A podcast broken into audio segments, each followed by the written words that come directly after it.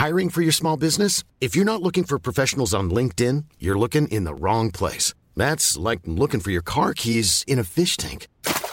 LinkedIn helps you hire professionals you can't find anywhere else, even those who aren't actively searching for a new job but might be open to the perfect role. In a given month, over 70% of LinkedIn users don't even visit other leading job sites. So start looking in the right place. With LinkedIn, you can hire professionals like a professional. Post your free job on linkedin.com slash people today.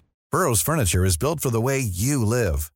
From ensuring easy assembly and disassembly to honoring highly requested new colors for their award-winning seating, they always have their customers in mind. Their modular seating is made out of durable materials to last and grow with you.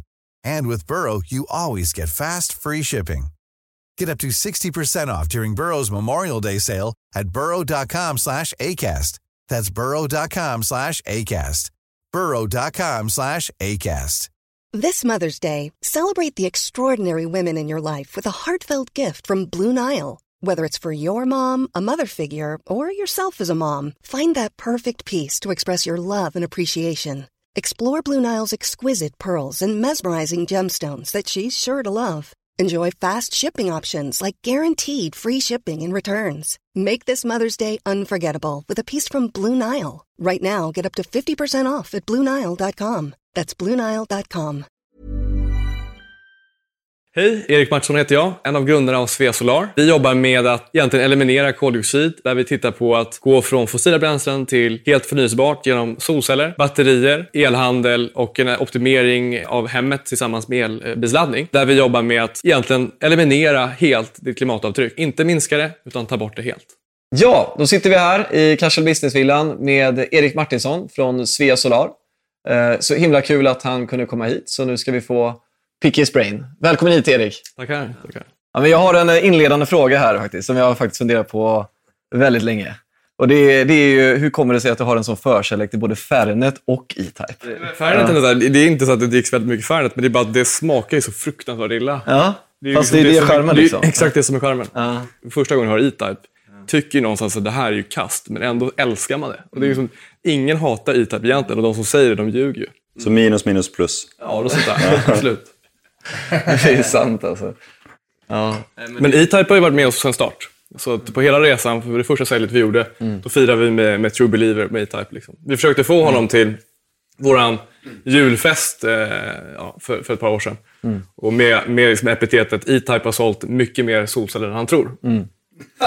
och eh, det slutade med att eh, han svarade faktiskt och sa att nej men tyvärr ska jag ha ett gig på Kinnarps Arena. Varpå jag svarade tillbaka och sa jag förstår, kommer du? Ungefär som att Kinnarps Arena och Svea Solars julfest. Det Ja, ja, nej, men det jag blir var så här, en eh, fair fråga. Det är ju ingen, det är ett enkelt avbok, eller ombok liksom. Verkligen. Verkligen. Det är ju taget. Det är väl en pengafråga bara, tänker jag. Eller? Ja, ja, men... Det, det vill inte Erik göra det till nu, kanske. nu ska du ju vara lugn här. Jag tänker om han ser det här klippet så kommer priset gå upp. Ja, Och då, det är men då ska han också komma ihåg att jag är en smålänning som co-founder, så att det blir inte dyrt oavsett. Ja, sant.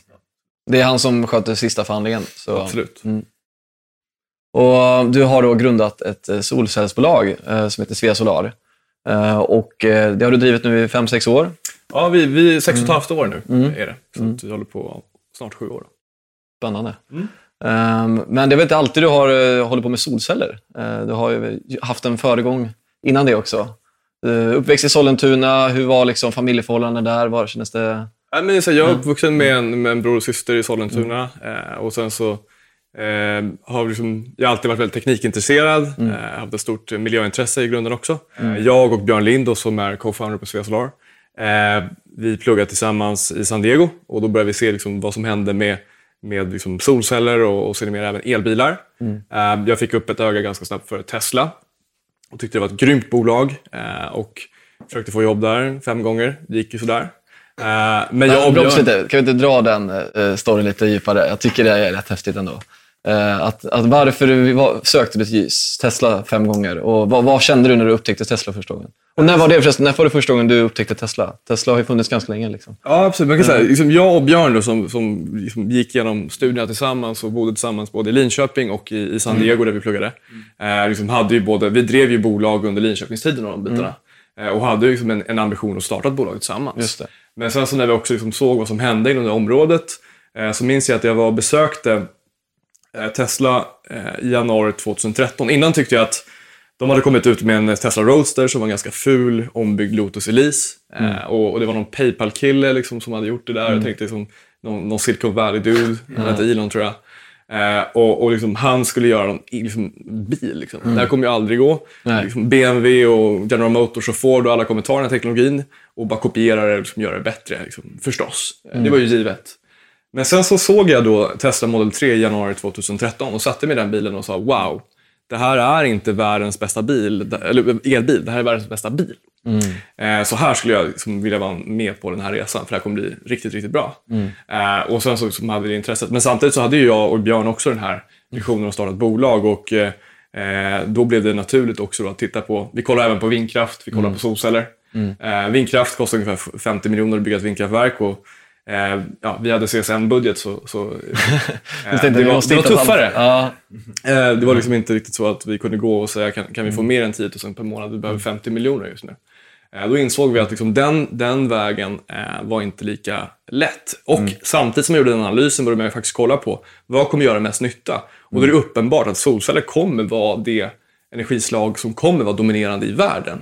Eh, och liksom det blev mer och mer tydligt. För även jag själv var skeptiker för att solceller kunde, liksom, kommer det funka i Sverige? Liksom, vad är rimligt? Liksom, hur stor del kan det bli? Och desto mer man gick in i en, liksom, området och verkligen läste på insåg man att det här är en av de absolut viktigaste faktorerna för att gå 100% förnyelsebart. just det. Eh, Och jag skulle säga att det är den viktigaste, i alla fall enskilt viktigaste faktorn. Om man är, även som inkluderar att man eh, elektrifierar då transportflottan, elbilar, eh, elbåtar och så vidare på sikt.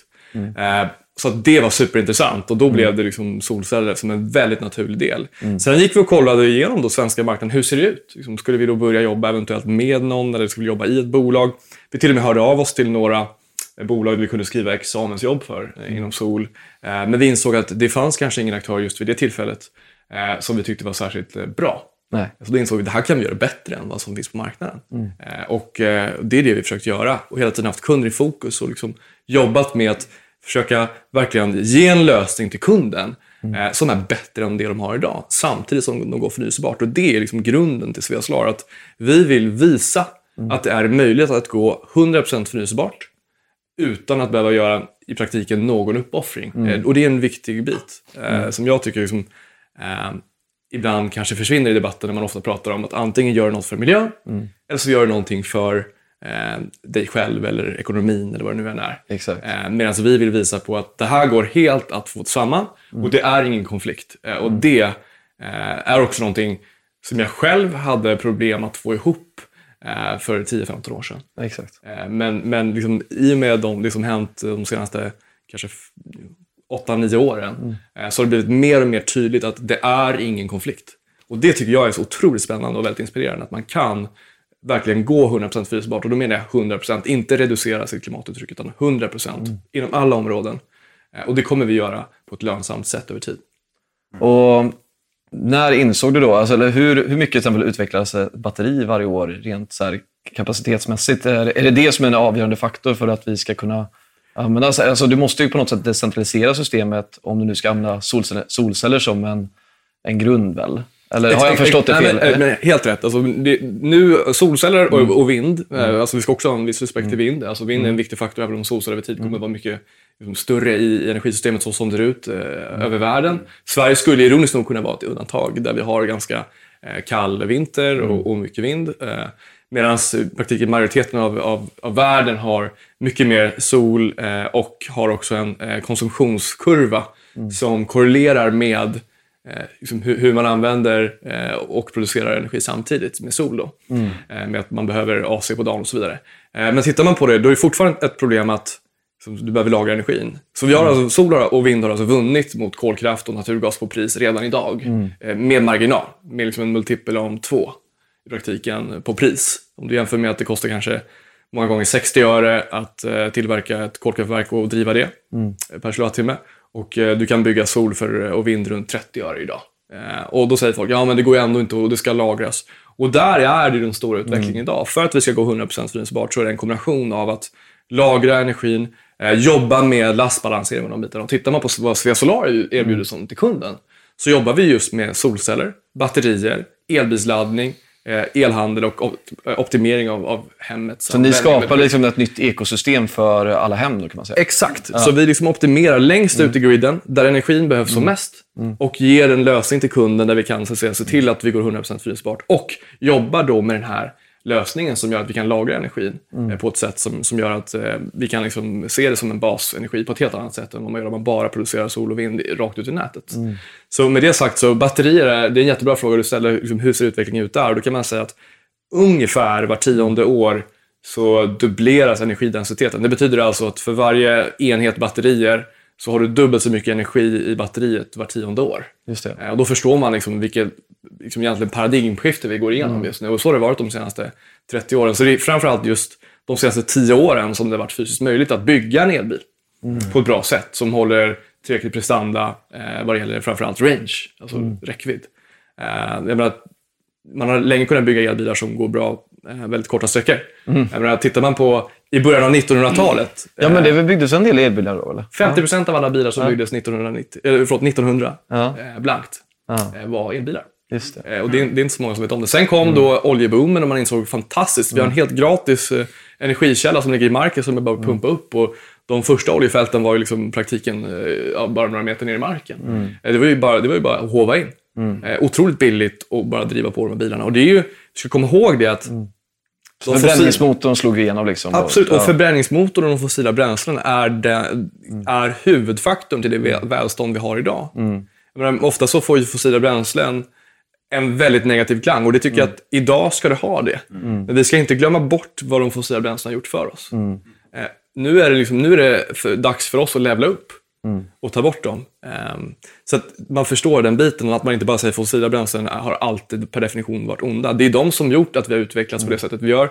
Det är de som gör att vi har sett till att kunna använda den typen av eh, liksom skördteknik som vi har idag som gör att vi kan eh, förse mängder av personer med, med, med mat som tidigare inte kunde fått det och så vidare. Eh, och det är ju liksom någonting fantastiskt. Eh, men nu är det vårt jobb att levla en gång till och ta bort eh, och se det här som en, en temporär resurs, vilket det har varit, fossila bränslen. Och gå över till helt förnyelsebara källor. Och det är det jag brinner för som person och eh, det är det Svea Solar har som vision, att verkligen eh, eliminera, inte minska, eliminera fossila bränslen. Ja, jag älskar det. Det är så himla inspirerande och jag tror bara vi ska prata lite mer om det här. Hela energisystemet idag är ju väldigt centre- centrerat liksom till men, huvudlinjer och, och, och men, man tar ju till och med in kolkraft från andra länder i vissa länder och man delar energi över hela kontinenter. Ehm, och du tror då helt enkelt att man kommer gå mer och mer till kanske samhällen. Alltså, tänk dig det här lilla villaområdet som sitter i just nu. Skulle kanske kunna ha då en solcellspark som sen laddar upp en stor batteripark som sen till- tillhandahåller el till alla de här. Är det en möjlighet? Alltså, så här, jag skulle tekniskt tänka på det som att vi har ett jättebra elnät, det ska vi använda. Just det. Så det vi ska optimera är alla noder överallt, som ett system. Snarare kanske inte isolera systemen, utan Nej, bygga ännu mer broar över marknaden. Så att ja, Europa håller redan på att bli en energimarknad. Man bygger kraftiga kablar över det. Och det ska man också komma ihåg. Tänk på att eh, under vintern i Sverige eh, så kanske vi vill importera lite el. Samtidigt som man i Europa använder nästan ingen aircondition alls. Eh, så att södra Spanien exempelvis har ju mindre elkonsumtion än vad de har på sommaren. Och då behöver de importera el. Så att ja. Tittar man på ett energisystem liksom väldigt high level så kommer vi hitta en balans som, som blir mycket stabilare eh, och robustare desto större nät vi kollar på. Så makroekonomiskt liksom, ekonomiskt så har vi nästan lösningen. Riktigt. absolut. En, en intressant fråga. Kanske en jättedum fråga, men jag bara kom att tänka på det. Skulle man inte kunna använda reflektionsljus av något vis? Att man lägger speglar i, golvet så, och så tar man in strålen igen och så lägger man en spegel bort dit och så, och så samlar in solen igen. Det, Alltså, så här, tekniskt ja. Eh, Man, man använder vissa typer av, av liksom speglar för att använda, liksom, värma upp eh, liksom, eh, generatorer. Eh, concentrated solar power heter det. Eh, men egentligen så här, det handlar mycket om att integrera seamless i byggnaderna liksom, och, och få det att se bra ut och de bitarna också. Och det kommer ju också utvecklas över tid. Så det vi ser mycket är att vi kommer kunna liksom använda de byggnader som finns här i praktiken och med vissa undantag för stora industrilokaler som behöver solcellsparker och sådana saker. Eh, vilket gör att det kommer räcka med liksom, de takytor som finns. Så jag tror liksom inte att det kommer behövas på det sättet. Eh, och så. Och då ville du, när du pluggade på Linköpings universitet, eh, börja jobba där. Ja, men det var någonting som kändes väldigt, liksom, det här känns helt rätt. Eh, och så började jag söka jobb. Men, men det, med det sagt också så, men vi hade ju fortfarande den här idén om att starta ett bolag, jag och Björn. Och det, Just hade det. vi liksom, har vi ju ha, liksom haft genom att vi också startat bolag innan tillsammans. Vi hyrde ut eh, event eh, bitar i Linköping, så vi hyrde ut eh, hoppborgar och segways och sybodräkter. Och, Det var roligt. Ja, det var ett år i praktiken Ja. eh, med, med begränsad framgång. Sådär. Men det Ja. var kul. Eh, Man lär sig mycket. Eh, Eh, ja, men det jag lärde mig mest var hur Björn fungerade och att vi var en väldigt bra match. Eh, Björn är betydligt mer strukturerad än vad jag är och jag är kanske lite mer eh, visionär i vis- vissa stunder. Eh, och det är liksom, ja, var ju väldigt så här, dels att vi hade bott två år tillsammans i, i, ett, i olika länder och sen också drivit ett bolag tillsammans gjorde ju att jag både hade och har väldigt stor eh, förtroende för Björn. Eh, och så är det klart att liksom, en del av den här Tesla-biten var ju också att eh, det fick ju mig att ännu mer lyfta blicken om vad som hände med liksom, energibiten.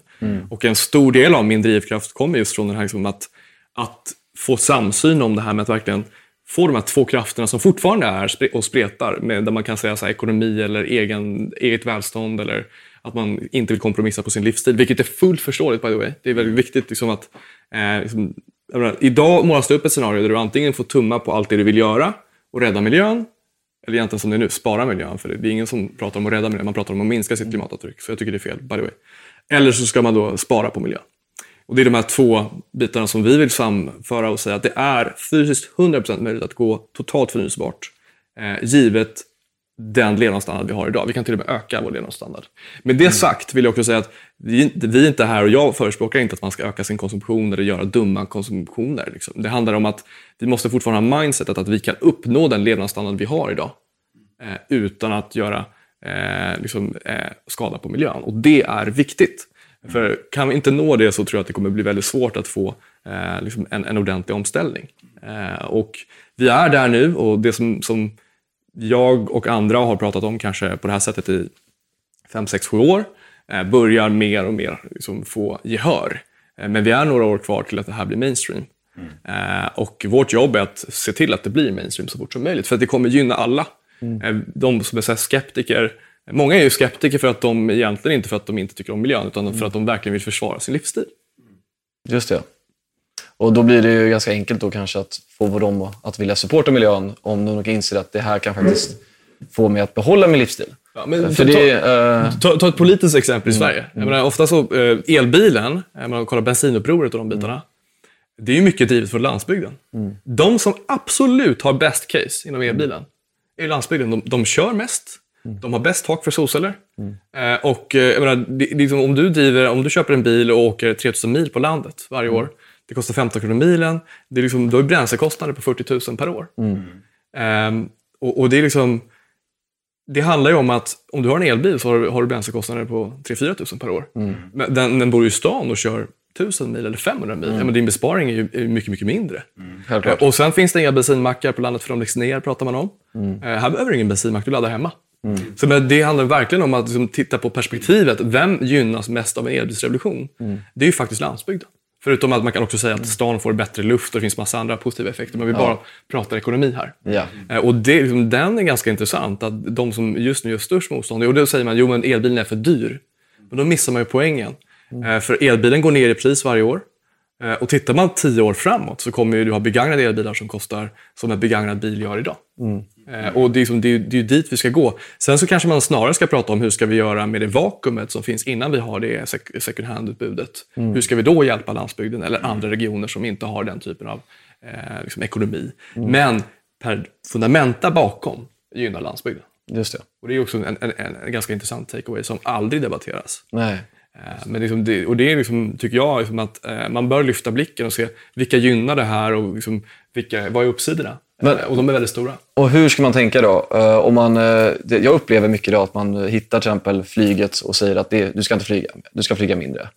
Då hittar man en, en åtgärd och så smutskattar man alla som flyger i princip. Eh, det, är det rätt eller fel tänk? Är vi ute och cyklar eller, eller är det en hyfsad åtgärd? Eller, kan, eller hur ska man tänka? Liksom? Det vill säga, först och främst måste man komma ihåg flyget som det ser ut idag är ett problem. Kolkraften är ett problem. Alltså, eh, energiproduktionen som det ser ut idag är ett problem.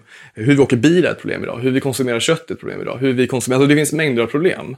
Men det fundamenta är att det går att bygga ett elflygplan givet den utveckling vi har på batterier. Eh, vi, det går att bygga, liksom, allting går att elektrifiera över tid och, och producera med förnyelsebar energi.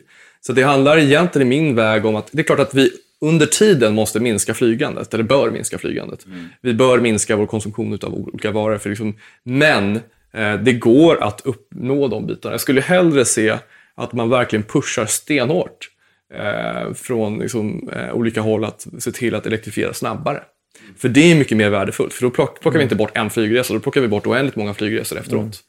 Så det handlar ju om att vår, vårt mål, mitt och bolagets mål, Svea Solar, är att, att snabba på den här vi kallar det för ett power shift helt enkelt. Vi byter ut både att vi ser till att du tar hand om din el lokalt och att den blir 100% förnyelsebar. Vi vill att det ska ske så fort som möjligt. Det är egentligen att göra rätt investering snabbare. Absolut. Eh, För du säger ju egentligen att kolkraft är ju mindre avkastning på än el.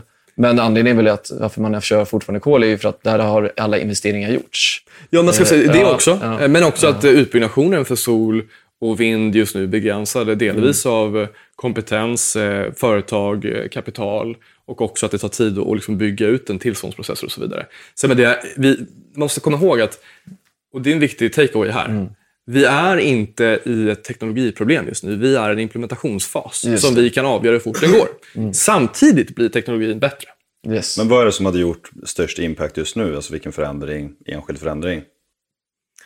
Eh, alltså det är jättesvårt att isolera. Man kan säga så här, det, det som sker nu väldigt snabbt, det är verkligen en snabb omställning till elbilar. Det går jättefort och det är superspännande. Jag tror själv att vi någonstans kring 2025 kommer sälja vår sista bensinbil som inte har någon typ av elektrifiering i sig, en plug-in hybrid eller liknande. Och, och i- för er del tänker jag. Alltså för Svea Solar och... Ja, men då handlar det om, alltså, vi finns ju då, man, jag brukar titta på Europa som en elmarknad, eh, för men den är så pass integrerad. Eh, och vi finns nu i snart sex länder. Eh, och vi tittar ju på att liksom, få ut så mycket solpaneler som möjligt så vi kan egentligen trycka av kolkraften. För det är det som händer. För varje extra vindkraftverk och solpanel som, som eh, läggs till så trycks det ut kolkraft. För att Europas elkonsumtion är ganska eh, flat. Den ökar knappt. Den går till och med svagt neråt. I alla fall i Sverige så går den svagt neråt. Eh, och det betyder att för varje förnyelsebar energi som vi, kilowattimme vi adderar i nätet så trycks det ut en kolkrafts kilowattimme. Så man kan säga att eh, klimatavtrycket idag på solceller är runt eh, 25-35 gram per kilowattimme. Eh, och eh, kolkraft är ungefär 1000 gram. Så det är multipel om mellan 30 till 40 bättre idag. Och ändå får vi, vi ibland eh, till viss rätt, rättfärdigad kritik om att eh, solcellerna har också ett klimatavtryck. Även om det är så att säga, 30 till 40 gånger lägre än kol så är det fortfarande någonting vi också ska jobba bort över tid. Men det är också det här endgamet vi vill kolla efter. är ju egentligen hur går vi 100% förnyelsebart? Och det kommer vara att vi producerar panelerna över tid med 100% förnyelsebar energi. Eh, vi transporterar dem med 100% förnyelsebara källor och så vidare. Eh, vi är inte riktigt där ännu. Men det är viktigt liksom att, att titta på, vårt mål är inte att bli av med alla fossila bränslen just nu, utan det är att hitta den snabbaste vägen där vi går 100% förnyelsebart. Eh, en fråga då. Jag som inte har varit jätteinsatt i, i, i eh, förnyelsebar energi och alla sådana här grejer. Eh, vad kan jag implementera i mitt liv, i princip här och nu idag, som, som supportar den här tanken eller den här missionen som ni, ni har, vilket jag tycker låter sunt. Eh, Först och främst, alltså, om man har en bil så skulle jag titta på om det går att elektrifiera den. Ja. Eh, om, om, om, Vad har du för bil? Ja, ja.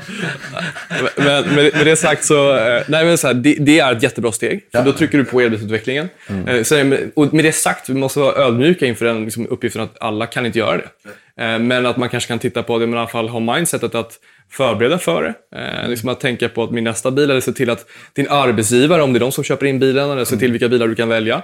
Eh, börja tänka på det hållet. Eh, sen, Steg ett är egentligen bilen. ja, det ska jag säga, det, Spelar det någon roll vilken Eller det är kanske det som jag enklast skulle kunna påverka. Ja, det, och det är en av de största impact i Sverige. Absolut. För att vi har ganska grön energi. Även om jag ser det som ett europeiskt elsystem så, så är det ju ändå så att vi har hyggligt bra el i Sverige. Så bilen är till och med steget innan jag sätter solceller på taket som försörjer, försörjer min TV och min kyl. Eh, Jag pratar ju lite emot min egen sak om jag skulle säga så, men det är faktiskt så att elbilen är eh, liksom, Största är- boven, liksom. är en, den, ska säga, en väldigt viktig komponent. Man ska också komma ihåg det, när vi pratar ekosystem så pratar vi ju om elbilen som en del av solcellsdelen och eh, liksom batteridelen. Att vi ser det som ett ekosystem, där elbilen är en del i det. Och vi måste göra vårt jobb för att se till att eh, nätet klarar av det. För att, säg att alla här gjorde ett fantastiskt jobb med att köpa elbilar. Då skulle vårt nät som det ser ut idag ha väldigt svårt. För att du adderar ganska stora laster längst ut i nätet.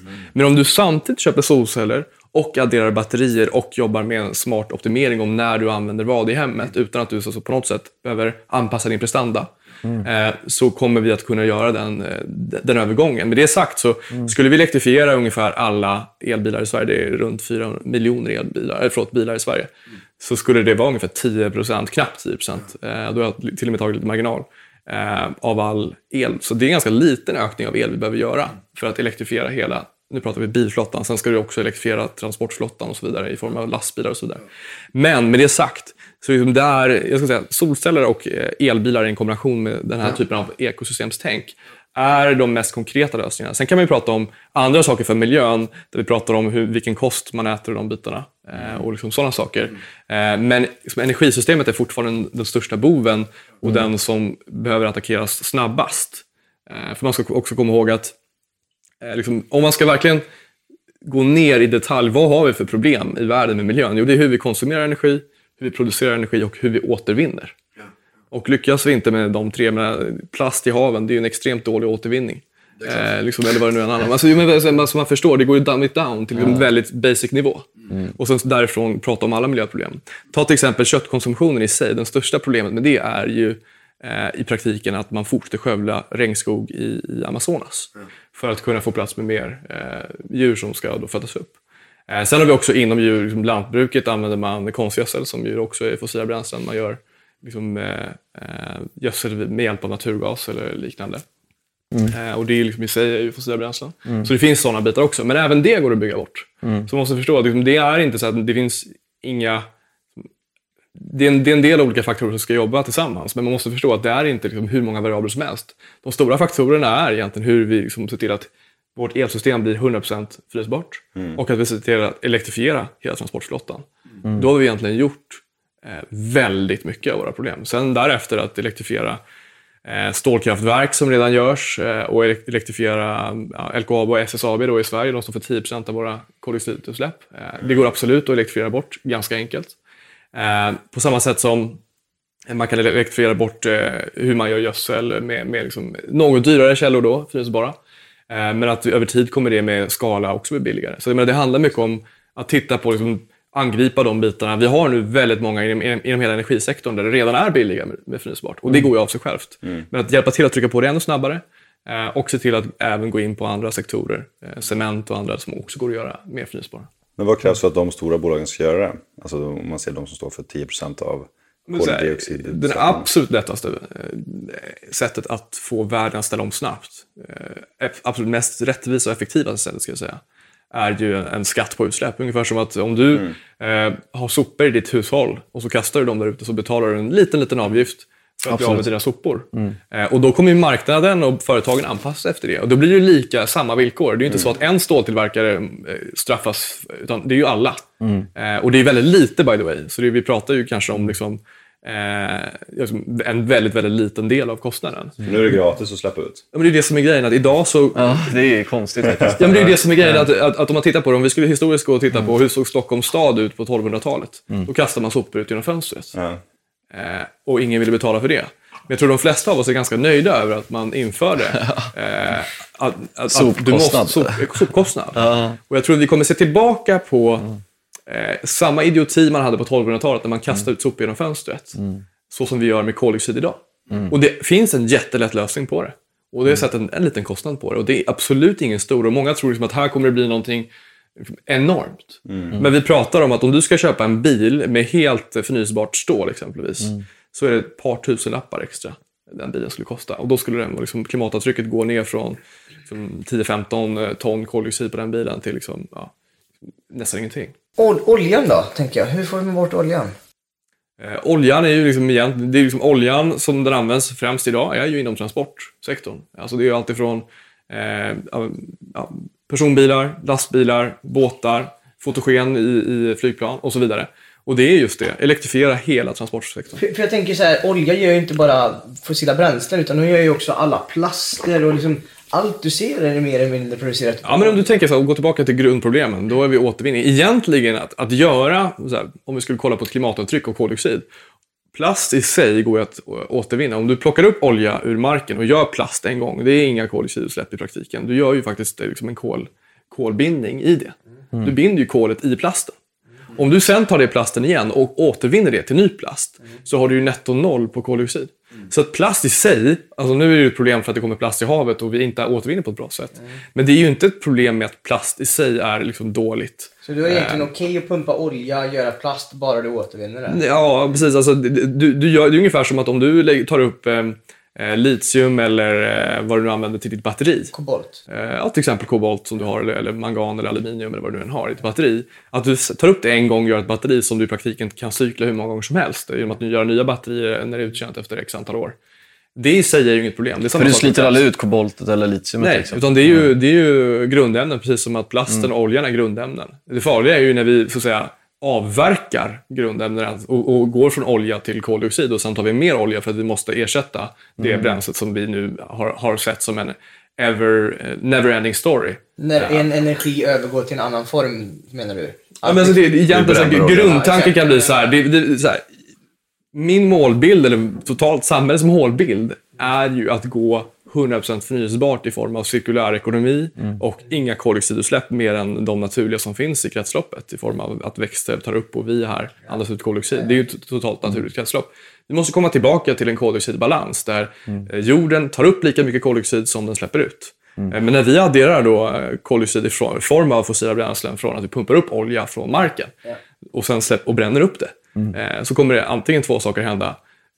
Vi, vi bränner upp all olja och vi kommer ändra klimatet något på, till det sämre. Eh, och det kanske någon säger att ja, men vi vet inte hur illa det blir. Låt säga att det inte blir så illa då. Om vi tar det scenariot.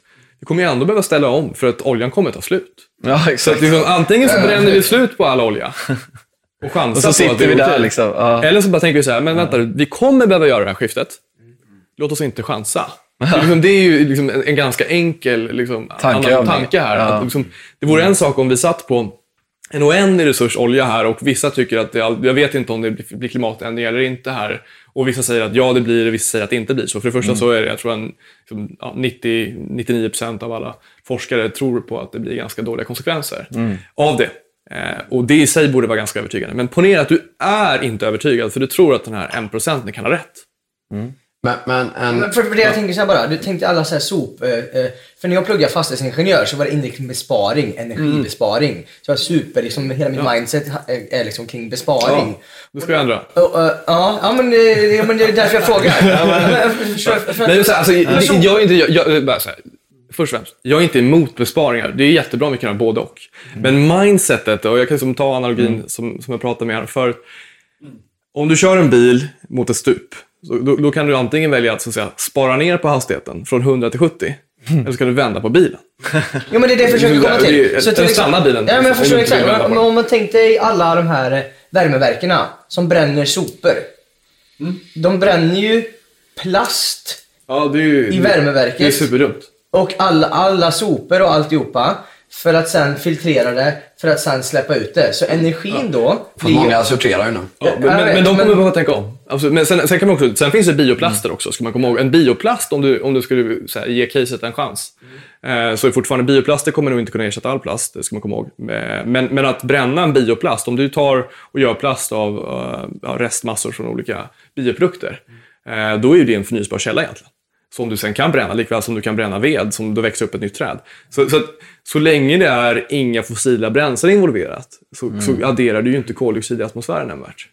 Jag hade en fråga Ja, kring jo, oljan. det gör du ju. Nej, men du, du, Om du, du eldar om, träd. Nej, men om du eldar träd så växer upp ett nytt träd. Då binder ju den koldioxid i när den växer upp. Ja, fast Och det tar ju längre tid att den ska växa upp än att du förbränner. Det beror på, för om du har ett träd, säger vi, det växer, det tar 50 år och, och det, det trädet. Och var, varje år så gör du plast för en femtiondel av det trädet. Så länge tillväxten i trädet är lika stor som det du bränner så har du ett kretslopp. Nej, det förstår jag. Jag är med på. Men just som det är nu. Men i Sverige har vi tillväxt inom skogen till exempel. Vi avverkar mindre än vad, vi, vi, eh, än vad det växer. Så att vi har faktiskt, just skogsindustrin i Sverige är faktiskt klimatpositiv, ironiskt nog. Men för övriga delar av Inte världen så är det ju inte det. Nej. De skövlar Nej, ju mer än vad som växer upp Exakt. och då har vi fel påverkan. Är det jag försöker komma till. Så här, var är... För vi eldar ju liksom... I USA så, så gräver de ju ner soporna. Vi kör ju sopor från Sverige till Nor- Norge köper ju våra sopor för att de ska elda dem så att de ska få värme.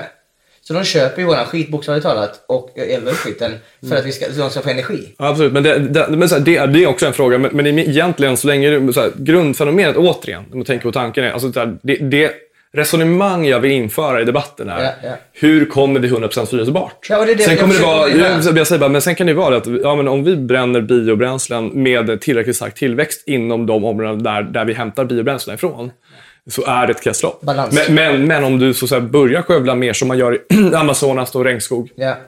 Än vad vi kan använda, då, då är det inte ett kretslopp. Nej, det är det jag försöker komma till. Så här, vart hittar vi? För jag är helt med på hela den här grejen. Ja. Alltså, jag är, helt, alltså, jag är 100% med dig. Det är bara så här, frågeställningen är, vi gör ju inte rätt idag. Nu, nu är du inne på återvinningsspåret också tror jag. Ja.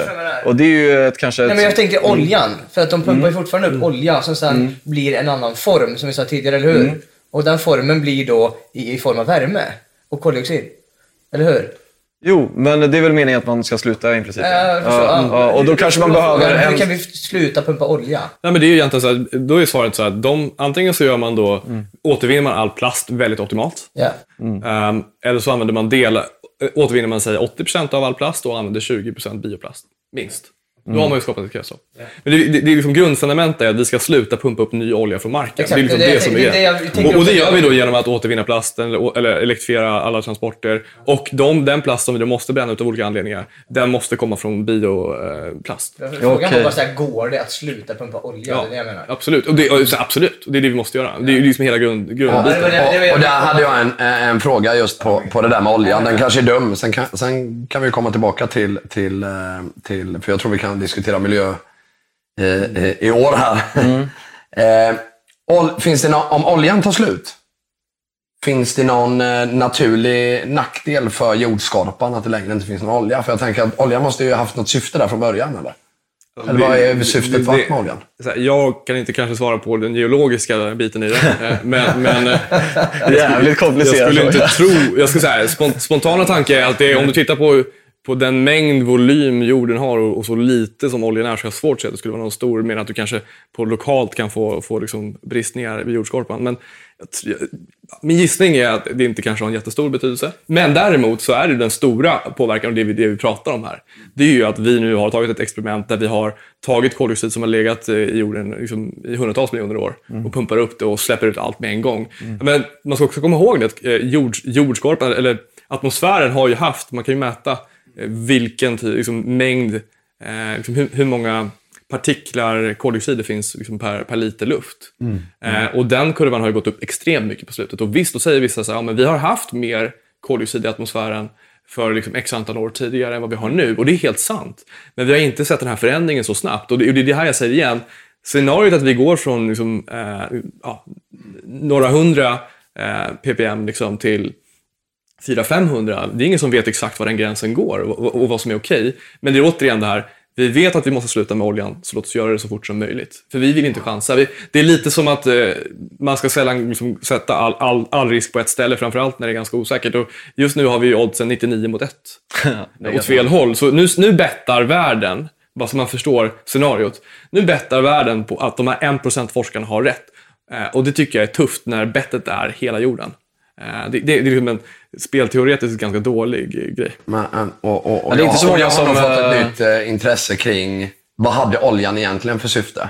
Om vi nu har använt den till och håller på att ta slut på den till något som inte är bra, så fanns den ändå där från början. Så frågan är vad egentligen man skulle kunna göra med oljan som vi, mänskligheten, har missat. Möjligt. Men, det är ju en mer filosofisk fråga. Eh, Men, men så här, återigen, och, och där kanske det finns de som har bättre svar än, på, än Intressant. mig. Men liksom, gr- grundfundamentet är verkligen så här, vår, vår mission och det som jag drivs har är verkligen så här, okej, låt oss stoppa det här experimentet nu. Eh, och så kör vi något som vi vet funkar. Yes. det är grymt. Och, okej, och ska vi, jag tänkte vi ska reda ut en grej som, som jag har varit lite confused av, som vi i Sverige har infört ganska nyss. Vi har precis infört en megaskatt på plastpåsar i typ alla butiker. Och man får knappt tag i plastpåsar för de har ju slutat beställa in så mycket plastpåsar för de trodde eh, efterfrågan skulle minska. Så det är ju aldrig någon plastpåse knappt kvar i butiken när man kommer dit längre. Eh, och det är väldigt frustrerande tycker jag och undrar var, varför det är, det ett problem. Liksom.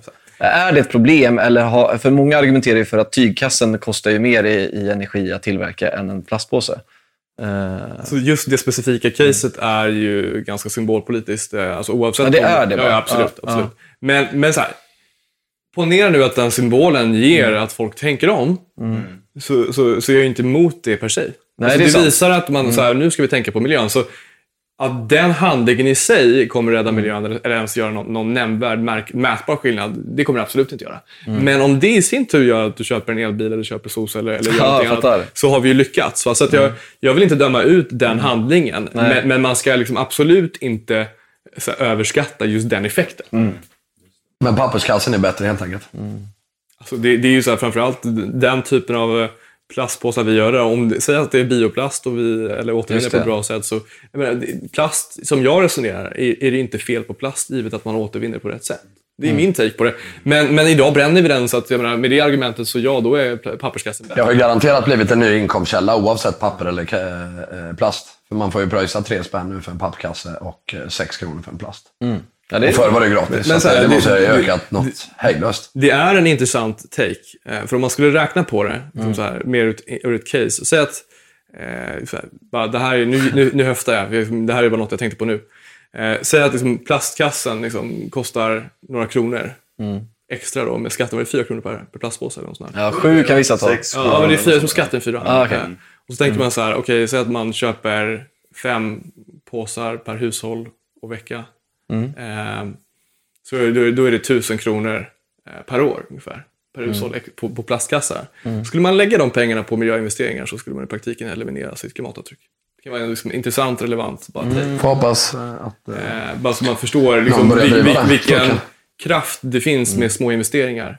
Eh, och det baserar jag på liksom, att liksom, eh, en svensk gör av med runt 10 ton eh, koldioxid per år och liksom, tittar du på en 30-årsperiod med solceller exempelvis så får du då in minst 30 000 som du kan investera liksom. Men är det inte det staten eh, kanske ska hjälpa oss mer att tänka på och göra investeringarna åt oss? Alltså, man försöker ju hela tiden styra människor med politik på olika sätt, men borde man inte hjälpa kanske oss då att enklare, med små investeringar, göra rätt val? Ehm, så är det bäst smartaste hade det ju varit att ta de här skattepengarna som man får in nu på de här plastpåsarna och kanske investera i mer ny Men är det inte det de energi. gör med plastkassarna då? Även om, om det kanske inte rent mm, miljömässigt stämmer så gör de ju ett val åt oss. De hjälper oss att välja papp istället för plast. Jo, sant. Ja, det var bara en eh, rolig eh, side-note. Men om vi återgår nu till eh, Svea Solar. Eh, det var Supercell-bolaget 2019. Eh, och jag tror omsättningen landar på närmare en halv miljard. Om jag... Förra året, ja. Ja. Och ni finns nu i hur många länder? Fem länder, snart sex. Mm. Ja. Och ni är störst i Sverige va? På marknaden? Störst i Sverige. Nu är vi väl någonstans mellan två och tre i Europa på Rooftop Solar. Just det. Eh, vi. Så otrolig resa och det här har ni byggt upp på sex år, ungefär sex och ett halvt. Och om vi tar tillbaka då till när du var eh, på Linköpings universitet och eh, hade din co-founder där och ni testade eh, lite business tillsammans. Ehm, Då tänker jag så här, hur viktigt är det för eh, dig idag att du valde just Björn? Eh, Det är en jättebra fråga. Alltså, för det, det är Mm. verkligen så här, när man pratar om liksom, driva bolag tillsammans liksom, Mm. med, med olika personer så är, tror jag att det liksom, över tid blir ganska ordentliga slitningar Mm. liksom, som man måste kunna parera på ett bra sätt. Eh, och jag tror liksom, att både jag och Björn kompletterar varandra oerhört bra. Mm. Där Björn är mycket, mycket mer strukturerad än vad jag är. Eh, mycket mer fokuserad på liksom, att implementera medan jag kanske lite ibland eh, kommer långt framåt eh, och de bitarna och liksom, kanske lite mer visionär. Men tillsammans så är det en väldigt bra kombination. Eh, och det har ju varit väldigt liksom, tacksamt för oss. Och, eh, skulle jag rekommendera någonting när man pratar om att starta ett bolag så är det ju försök hitta en person eh, som man verkligen litar på, genuint litar på. Eh, och, och har väldigt roligt tillsammans. Eh, men också att man kompletterar varandra och inser att man har olika så här, liksom, styrkor och svagheter. Där skulle jag nog faktiskt säga, om man ska vara riktigt rak, att ehm, mycket av de styrkor och svagheter som man både ser hos sig själv och, och liksom, eh, sin medgrundare i det här fallet eh, var ju kanske inget man såg direkt. Så man kan väl faktiskt säga att vi har haft lite eh, Flax. tur i det Ja. valet. Att liksom, vi har ju känt varandra länge innan och, och som, som privatpersoner och, och vänner.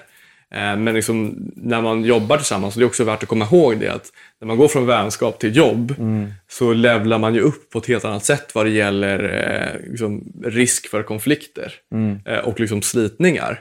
Så man måste också förstå det att bara för att man är, liksom, tycker om att hänga tillsammans så betyder det absolut inte att man är liksom, gjorda för att jobba tillsammans. Eh, så i det fallet så är jag väldigt eh, tacksam över att eh, jag har Björn som, som medgrundare som, som kompletterar det. Mina sidor, mina svagheter väldigt bra. Eh, och det tycker jag liksom är, är, är, en, är en viktig take här. Att dels ha en person, eh, och vi har haft andra också som hjälpt oss på vägen, och ha ett bollplank och kunna liksom jobba med någon, för det är väldigt tufft, framförallt om man har stora ambitioner och stora mål.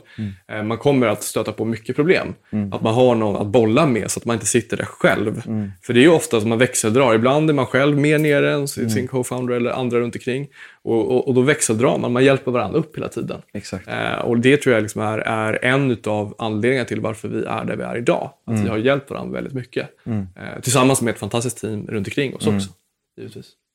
Ja, men, eh, väldigt klokt. Jag känner igen mig mycket i det du säger. Man, eh, man kan ju lätt hamna i den fällan att man tror att allt är lugnt så på grund av att man är vän eller man är polare. Men eh, jag tror precis det du säger är att man behöver komplettera varandra. Det är en jätteviktig grundplattform. Men man måste kunna, lita på dem 100% och verkligen genuint gilla varandra. Och vilja väl mot varandra. Liksom. För det, det är så mycket mer utmaningar som man kommer att ta sig an när man gör någonting mycket större tillsammans än att kanske bara vara polare. Och, och hur större vision, hur större bolag, hur, större, hur mer större problem ska man hantera tillsammans och hur större glidningar kan det bli? Eh, det kanske du håller med om också. Verkligen, och det är ju så alltså, alltså, desto längre man jobbar och mer händer så eh, desto bättre måste man bli på att kalibrera var man står och hur man tycker och tänker eh, på, på ett ödmjukt sätt. Eh, liksom för att det byggs på mer och mer och pressen blir bara hårdare. Och det är liksom egentligen som, som jag ser det, eh, man måste som, om man liksom vill vara med och verkligen trycka fram ett bolag ordentligt eh, fort och länge, så måste man levla upp mentalt hela tiden som, som, eh, som en del av liksom, bolaget. Eh, framförallt om man, som både jag och Björn gjorde, kom direkt från, liksom, det är vår, liksom, vårt egentliga första jobb ordentligt eh, efter examen. Just det. Eh, Så det gör liksom, även om vi hade, båda hade små jobb innan, så var det liksom det första riktiga jobbet vi kom till. Och då måste man ju liksom gå från att vara två personer i bolaget till som vi är nu, eh, ungefär 500 personer. Eh, det är ju en resa som är ganska brant. Eh, och menar, liksom, om, om man skulle gett mig det ansvaret och Björn det ansvaret att säga hej, nu ska ni axla rollen att leda ett 500 personers bolag dag ett efter examen, då hade ju, kan jag säga att eh, det bolaget hade nog inte gått så bra. Eh, men, men det är ju en insikt i det. Att liksom, och, och med det sagt så har vi väldigt stora mål att fortsätta växa. Så man får ju inte ligga på latsidan. eh, och Liksom att, eh, pressen på, på mig, Björn och andra inom bolaget som ska utvecklas med bo- bolaget är väldigt hård. Att vi växer i våra roller som personer och kan axla ett större ansvar. Annars så måste vi ersätta oss själva. Så ja, men det, jag har inte så mycket mer att säga än att jag tror du är helt rätt ute där. Att man måste inse att man måste växa hela tiden med, med uppgiften. Och att det, det är faktiskt bättre att bygga en grund först innan man kanske ibland kastar sig in i någonting också. Eh, men ehm, du var då på Linköpings universitet. Du hade gjort det här teståret, eller entreprenörsteståret kan man kalla det i efterhand, med Björn. Och eh, ni sen bestämmer er att jobba med solceller på grund av att du fick inspiration från Tesla, att det, är möjligt. Det är möjligt att jobba förnyelsebart, att kunna pusha den utvecklingen. Ehm, vad, vad var första steget? Vad var det som hände? När, vad, hur liksom startade ni de här första stapplande stegen till den här framgången som du eh, sitter på idag? Ja, nej men, eh, så, absolut första så började vi i min hyresrätt i Solna. Så då hade vi sängen där och så hade vi kontoret där. Då, liksom. var, och vi hade eh, lagret först i mitt vardagsrum då, med alla växelriktare och allting, bara in där. Eh, och, sen så liksom, jobbade vi därifrån och sen vår första panelleverans som vi skulle få, det är lite roligt. Då hade vi, vad ska vi göra här? Då hade vi tagit in en känkebil som vi körde till min mormors eh, kedjehus i Vällingby. Då var hon, eh, ska vi se så jag räknar rätt, hon var 92 år gammal blir hon då. Ehm, ja, nu fyller hon 98 snart. Ehm, och, ehm, Ja, då så eh, liksom kom vi dit och så, så satt vi och jobbade där för att vänta på Schenker-bilen. Det var ju innan man trodde på att Schenker kom i ti- tid. Ja. Alltså då sa att ja, ni, ni som driver bolag vet att så, så händer det inte. Eh, och det är inget fel, inget mot Schenker, det är samma sak med DHL. Eh, ja. Och eh, med, med det sagt så, så satt vi och skulle jobba hos mormor där liksom, i, i två dagar och det kom ingen bil. Vi skulle vänta in de här panelerna som skulle komma och leverera det till, till eh, garaget. Då. Och, och så kommer liksom, då har vi suttit där två dagar, inga paneler och så ska de komma och så vidare. Sen så är vi på väg till, till mormor då, eh, dag tre. Liksom, och då så, så ringer mormor och frågar vi är på gång och säger ja, men vi, vi är på gång. Eh, och så, så kommer vi dit och då har den där Schenker-bilen fått stått och väntat en kvart. Och så ser jag en alldeles knäckt Schenk- eh, som Schenker-chaufför som liksom lastar av och är superhjälpsam och kör in de här mycket mer än vad de brukar hjälpa till med. Men han såg som knäckt ut. Då frågade jag mormor, han såg ju helt knäckt ut. Ja, han kom här och var förbannad på att ni var sena och jag gjorde en riktig avhyvning och berättade att han var sen i två dagar. så det var liksom, min, min 92-åriga mormor gav en ordentlig avhyvling till den här 30-åriga chauffören eller något. Eh, Och man såg att han var, liksom, han, liksom, han var inte van att få en avhyvling av en 92-åring. Eh, Men det var väldigt kul. Men vi fick också, som resan var vi fick faktiskt ett, ett, ett lån då, egentligen genom min mormor då, på 400 000 som jag fick och sen så en, en mindre summa från, från min mor som kom in i bolaget. Och, och sen hade vi också CSN som finansiär. Eh, Med att vi båda hade pluggat. Ja, Nej, men det är en otroligt bra finansiär. Det är en väldigt bra Ja, finansiär, för de har inga motkrav. Nej, det är de otroligt. frågar ingenting Ja. och, och, och bara liksom... Och betalar bara ut liksom. Exakt. eh, men, men det var ju studie, studiemedel då under tiden vi pluggade. eh, men, men så det var ju egentligen starten på bolaget och sen så började vi, vår tanke var först att börja lägga ut installationerna på andra firmor. Men vi gjorde det vid ett par tillfällen och insåg att det blev inte den kvaliteten vi ville ha och det var ganska nytt i Sverige det här. Så att vi fick lära oss det själva. Så hela första året så var jag och Björn ute på taken och gjorde alla installationer eh, så, som vi sålde. Hur många, första åren eller året? Året. Eh, Året. Björn var fortfarande på taket ytterligare, jag tror nästan ett halvår till. till. Eh, men sen började vi bygga upp en egen installationskår. Så, så ni kommer på att ni ska jobba med solceller då? Som är, som, och, och, och det första steget, alltså, då väljer ni att starta ett aktiebolag eller något tillsammans. Och sen köper ni hem liksom en order solceller. Ja. Så är ute och kränger Och så går ni ut och kränger. Ja. Det var så det började. Ja, exakt så. Ja, det är fantastiskt. Eh, ja, det var precis så. Eh, Men det var ju liksom på den tiden eh, väldigt få eh, hade kompetens inom området. Så vi fick ju läsa på och jag satte mig ner och jag tycker om att läsa när jag tycker att det är kul. Så läste allt som fanns om solceller. Eh, hur det funkar, hur, hur man ska få ihop grejerna. Eh, ungefär som jag hade gjort under Tesla när jag skulle få jobb där så avsatte jag en timme om dagen och läsa om, om, om det. Eh, och då började man lära sig lite bitarna. Eh, både se vad som vissa aktörer gjorde rätt och vissa gjorde fel och så försökte vi få det, den biten. Och det som är kul idag är att vi har ju då eh, Sveriges eh, by far största installationskapacitet. Och det är ju med inhouse personal. Och vi har liksom gått den vägen för att kunna Starkt. hålla kvaliteten och jobba mot kund och liksom verkligen ha ett kundvärde hela vägen. Och det tror jag är viktigt. Men så ni, första året, solpaneler på taket, de skruvar ni upp själva. Ja. Och vad hände sen? Men sen började vi då anställa montagepersonal och liksom börja växa mer. Eh, och eh, framåt, eh, liksom, sen sedermera började vi också öppna vårt andra kontor i Malmö. Eh, där vi hade en person som eh, också drev det som, som, som faktiskt först ett separat bolag som vi ägde då. Eh, för att eh, ha incitament för, för den personen som började där. För vi hade ju väldigt lite pengar. Så vi, vi växte ju organiskt. Eh, och då liksom, ja, hade ju- Tog ni då en marknad i taget bara så här och fokusera på, eller säg ett område i taget? För att, Ja. för att, eh, och ni körde kanske inte så mycket marknadsföring över hela Sverige utan Nej. mer, mer knacka dörr eller liksom få den... Väldigt nischat. Vi, vi ringde liksom det, de kunder vi kunde få in från olika events. Och vad vi, alltså vi gjorde väldigt mycket, liksom, allt vi kunde. Får jag fråga snabbt, vilken är liksom core client? Är det vanligt hushåll som äger en villa eller är det... Alltså, vi jobbar ju mot egentligen både villor, företag och eh, solparker egentligen. Men vår core och det vi kommer från är, är ju liksom villor. Ja. Eh, där vi liksom kan ha det här ekosystemstänket som vi tror liksom är nyckeln till att gå 100% förnyelsebart. Där vi verkligen kan se till att du producerar energi lokalt, du lagrar den och du laddar din elbil. Eh, och du kan, vi kan styra lasterna i ditt hem. För att give or take 60-80% av dina laster i ditt hem eh, kan vi flytta på någon timme utan att du märker det. Vilket liksom är det som är nyckeln till det här för att få skapa det här dynamiska elnätet. Så det är ju liksom den bettet vi gör och det gjorde vi ganska tidigt. Liksom, även om vi, liksom, det tog ganska många år för oss att få fram erbjudanden som faktiskt hjälper till med den typen av bitar. Men går man vidare där så då öppnade vi liksom Malmö. Vi är med en em, bekant till, till Björn egentligen, heter Jonas Begelius. Eh, och eh, så började vi driva upp det. Eh, och sen så eh, på en middag i London, eh, 2015 tror jag att det blir då, eh, så träffade, vi, träffade jag eh, via en vän eh, Nolan Gray som sen tog också med oss och hjälpte att bygga ordentliga CRM-plattformar med Salesforce och de bitarna och, och höja blicken lite i bolaget på det sättet och bygga den standardstrukturen som vi behövde.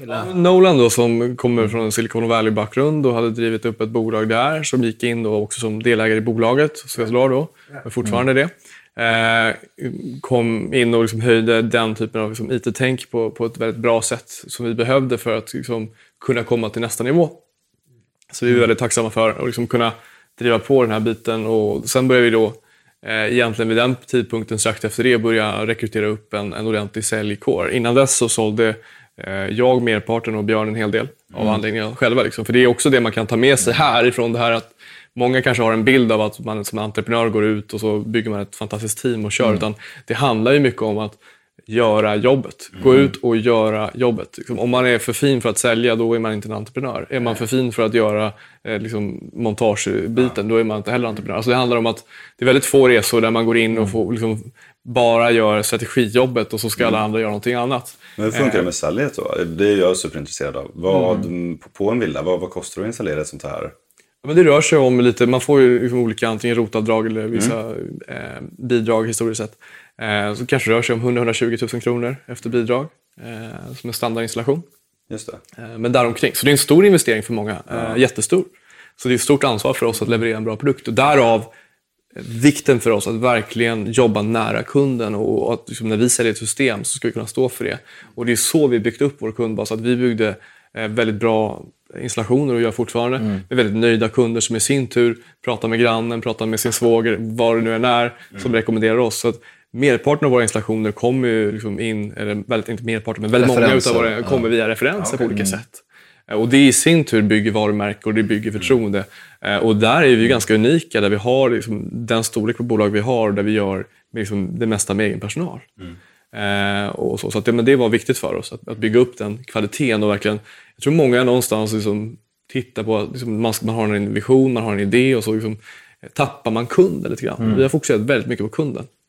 Men jag tycker det är en så himla grym take här och jag tar tillbaka till även igår när vi satt och eh, eh, pratade om hur, vi startade och, vi skulle ge tre tips till den som lyssnar eller den som startar sitt första företag och då liksom bröt detta ner och då hade inte vi intervjuat dig än så jag hade inte liksom en riktig aning om, om din väg och det inspirerar mig otroligt mycket liksom att det började där från början. Ni själva var på taket.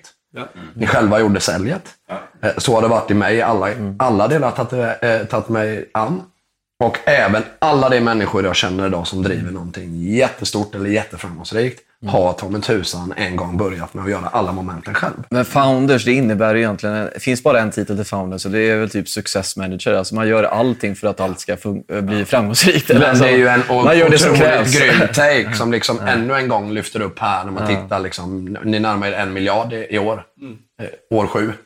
Ja. Och, och så låg man på knä för sju år sedan på, på, på taken. Eh, och det, det, det är liksom bara, det, det, det måste man bära med sig i sin entreprenöriella väg. Mm, Ska man inte vilja göra det så... Det är också viktigt och, det, och jag tror att vi har en enorm styrka i organisationen idag. För att vi, de, alla vet att vi har gjort den här resan. Alla vet var vi kommer ifrån. Och eh, det gör ju liksom, eh, och jag hoppas att det verkligen är någonting vi kan fortsätta ha i förtroende hos de anställda. Att liksom, vi vi liksom, eh, har dels koll på och förstår eh, den situation de möter. Eh, men också liksom att eh, liksom, jag tror det är väldigt liksom, få bolag som lyckas väldigt bra där man går in och liksom, ska direkt bara göra liksom, finliret så att säga.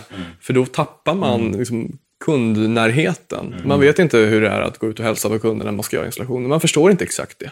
Även om du gör ett besök på sajt liksom, och ska försöka, ja, ja men jag tror att det är så här, rita en fin powerpoint. Ingenting slår att veta exakt hur det är. Det går liksom inte att skapa en bättre powerpoint än att faktiskt göra det. Eh, Så att det, men det är en del i, i, i den kulturen som, som vi försöker bygga upp där man verkligen ska ha en full förståelse för organisationen rakt igenom. Eh, Och eh, jag tycker liksom att det är också en, liksom, en liksom, ro, väldigt rolig del att få vara med om också. Men jag tror också som om man tittar på take till liksom att vara entreprenör, så är det liksom en, min, min take om jag skulle sammanfatta en, en duktig entreprenör är en person som är ganska målmedveten, eh, lite tjurskallig eh, och liksom löser de problemen som finns framför en.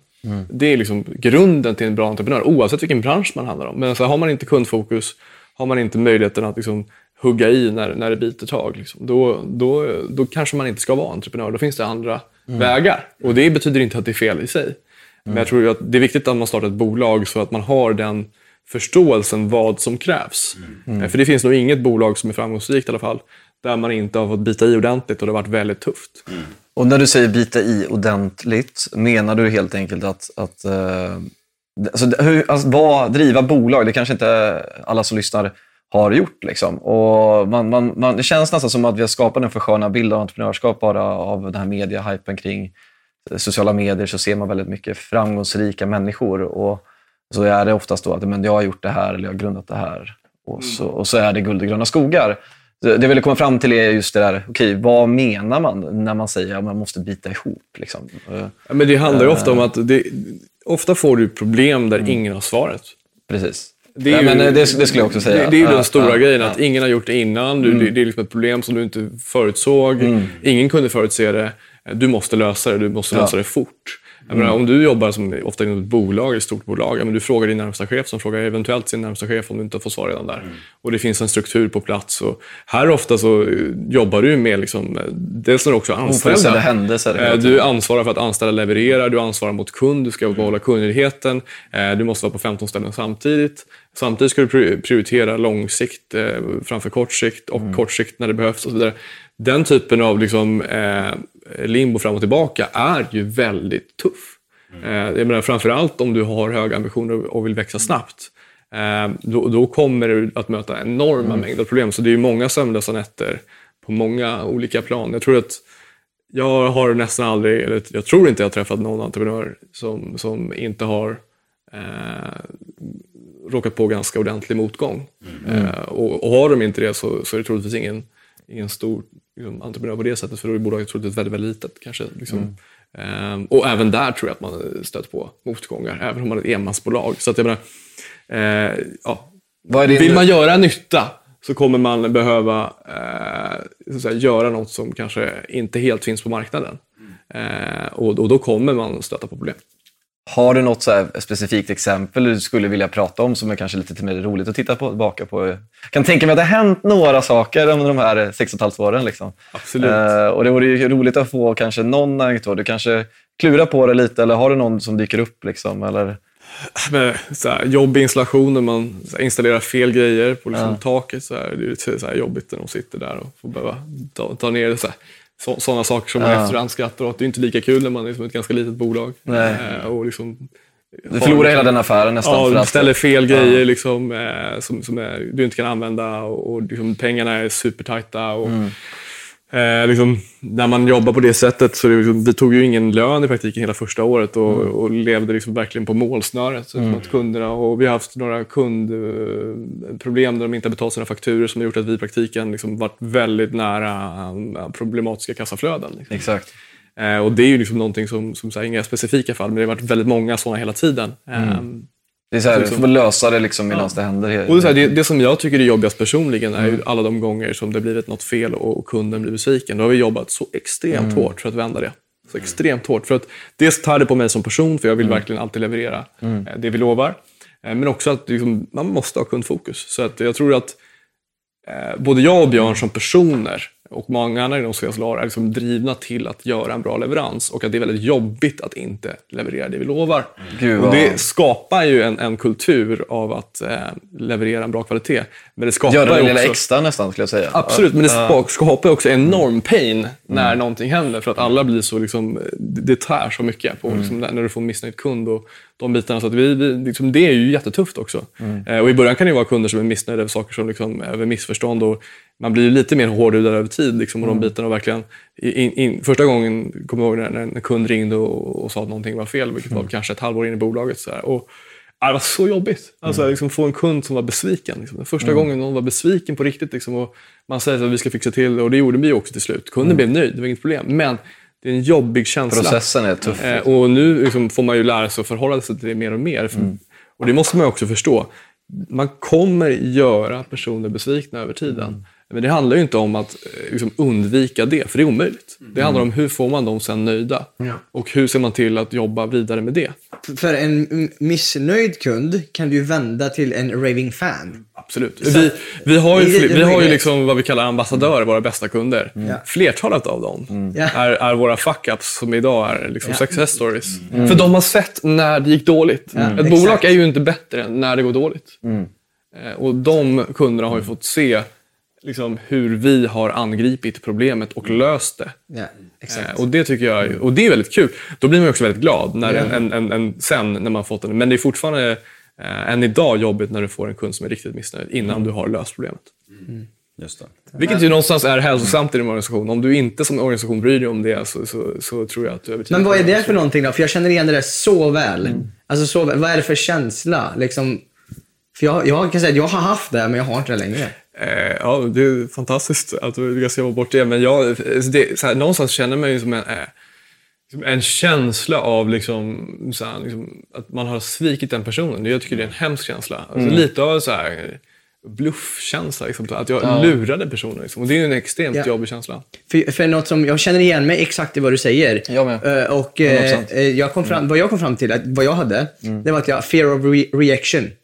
Jag var så rädd att bli avvisad, så jag bara så här blev det i mig. Eh, och det grundade sig i någonting djupare tidigare i mitt liv.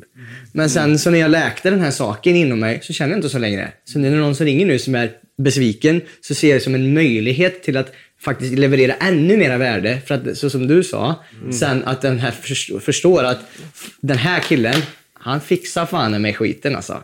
Och, och då finns inte känslan i mig längre. Det här, Nej, men det är ju Så- asgrymt. Ja. Men det är ju en grym, grym eh, development som du gjort där. Eh, där. Där är ju inte jag än. Alla har sina... Men det jag ville säga var att det går att ändra på. Ja, absolut, absolut. Det Nej, går men- att bli av med. Eh, så, men, mm. Och jag tror att det är många som kan känna igen exakt den, Ja, usch. den så här, Usch, nej! definitivt. Alltså, Ja, hemskt. grejen liksom. Ja, verkligen. I sig. För den är ju jobbig. Men eh, insikten är ju också väldigt bra, som du säger, tror jag. Att så här, okej, eh, nu ska jag bygga ett bolag här. Det kan man tänka, om man nu själv ska starta ett nytt bolag, är bara grundinställningen ska man ju ha här. Att, okej, nu, kommer det, nu kommer jag köra upp ganska mycket eh, skit efter mig här. Liksom. Nu när jag ska ploga ny mark. Det kommer komma upp eh, ny jord som vänds om. Och liksom. Det kommer Ja. bli, bli lite bökigt. Liksom. Ja, Och ja. Det kommer bli några som kanske stör sig på det. Och du kommer inte bli gillad av alla. Och Det kan vara i alla situationer. Det kan vara bara rent privat. Att vänta nu, ska du byta jobb här nu eller ska du eh, skaffa ett eget jobb? Liksom. Det är en motstånd som man bara, varför tycker du inte om, mig? varför tycker du inte om det? Det är också fear of re- reaction. Ja, liksom. det är samma Att sak. Liksom. Och sen kunder då är jätteproblem. Och sen kanske leverantörer, konkurrenter. Ja, det är väldigt många som, som kommer ha åsikter om dig. Och Jag tror det är väldigt viktigt att förstå att det är så det är. Det är inte så mycket man kan göra åt. Eh, Men vad hände för er sen då? Alltså när ni, ni började skala ut i Sverige, olika områden. Hur gick ni vidare? Nej, men du, sen där började vi få lite momentum. Eh, vi jobbade ganska nära med banken och gav väldigt tydliga rapporter eh, mot banken. Eh, där vi liksom såg till att ge en rapport och liksom att följa upp så att liksom vi fick förtroende därifrån och kunde börja låna en del mer pengar och bygga en del kapital för vi var lönsamma eh, från start. Och det är liksom, eh, skapa en prognos och, och ha en bra dialog med banken gör liksom skapar tr- förtroende. Och det gjorde att vi kunde sen växa mer och mer. Eh, och sen så öppnade vi ett eh, drygt 20-tal hubbar i, i Sverige då, under ett par års period. Då. Och sen så började vi titta mycket på men hur kan vi nu, när vi har kommit dit vi ska, där vi är Sveriges ledande aktör inom solceller, ehm, hur kan vi gå och levla upp nästa steg? Jo, det är att börja bygga på den här visionen vi har om det här ekosystemet. Som vi faktiskt är nu i november kommer ut med en ny lansering på, på vår app som kommer att ha väldigt mycket Spännande. mer funktionalitet. Det kommer bli väldigt spännande. Eh, och eh, där vi kommer, man kommer kunna börja styra så att du laddar din elbil på rätt eh, tider. Eh, och de här bitarna vi pratar om. Det här, när vi riktigt gör nytta för elnätet på ett sätt som eh, eh, gör att vi kommer bli ledande inom Europa inom det också, i och med att vi rullar ut så många anläggningar som vi gör. På crossfiten så snackade vi lite om det, eller efter crossfiten, så var det just att man skulle kunna till och med bara betala sin elräkning. Man skulle kunna lä- lämna över sin elräkning till er eh, och så hanterar ni den.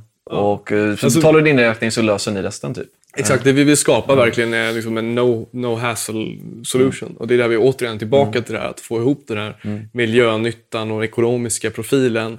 Eh, och bara liksom säga så här, eh, liksom zero carbon footprint eh, fast du höjer din standard. Det är liksom det mantrat vi vill få in där och verkligen om du frågar, liksom, gå tillbaka till plastpåsefrågan där innan. Så här, vad, är, liksom, vad kan personer göra eh, och stater göra och liksom de bitarna. Staten kan ju eh, via EU och andra instanser sätta på en koldioxidskatt. Det är ju nummer ett om man är på statnivå. Det andra är ju att skapa awareness om vad som går att göra. Men det awareness som idag ma- mantras ut är ju bilden av att vi ska sluta göra vissa saker och att det nästan är kört i alla fall. Det är den bilden som målas upp idag. Verkligen. Och vi vill måla upp en bild där vi säger så här, absolut, ni ska absolut se till att minska era klimatavtryck så mycket ni kan eh, på alla håll och kanter. Men fokus är på att bygga nytt. Vi ska bygga rätt. Eh, och gör vi det så kommer det vara en betydligt roligare resa eh, och ge en bättre liksom, endgame än att bara så att säga, bromsa. Vi kan ju inte backa. mot- Alltså, precis, återigen, liksom, antingen så... så Stenåldern ska vi tillbaka till då. Liksom. Nej, men det, det, det, det, det, så här, jo, men även om vi ponerar att så här, det skulle kunna vara ett scenario där det är sant. Så här, ja, men för att rädda jorden så måste vi gå tillbaka till stenåldern. Och så här, ska man vara krass? Om det var det scenariot som var det faktiska scenariot, ja. då är det ju faktiskt dit vi skulle behövt gå. Du menar Men Mad det Max, är ju, liksom? är ju en, en, en felaktig bild, så låt oss inte måla upp den. Det är ju faktiskt ingen som seriöst tror det, som är insatt i området. Alltså det är ju ingen som tror att det är omöjligt att göra ett 100% förnyelsebart energisystem.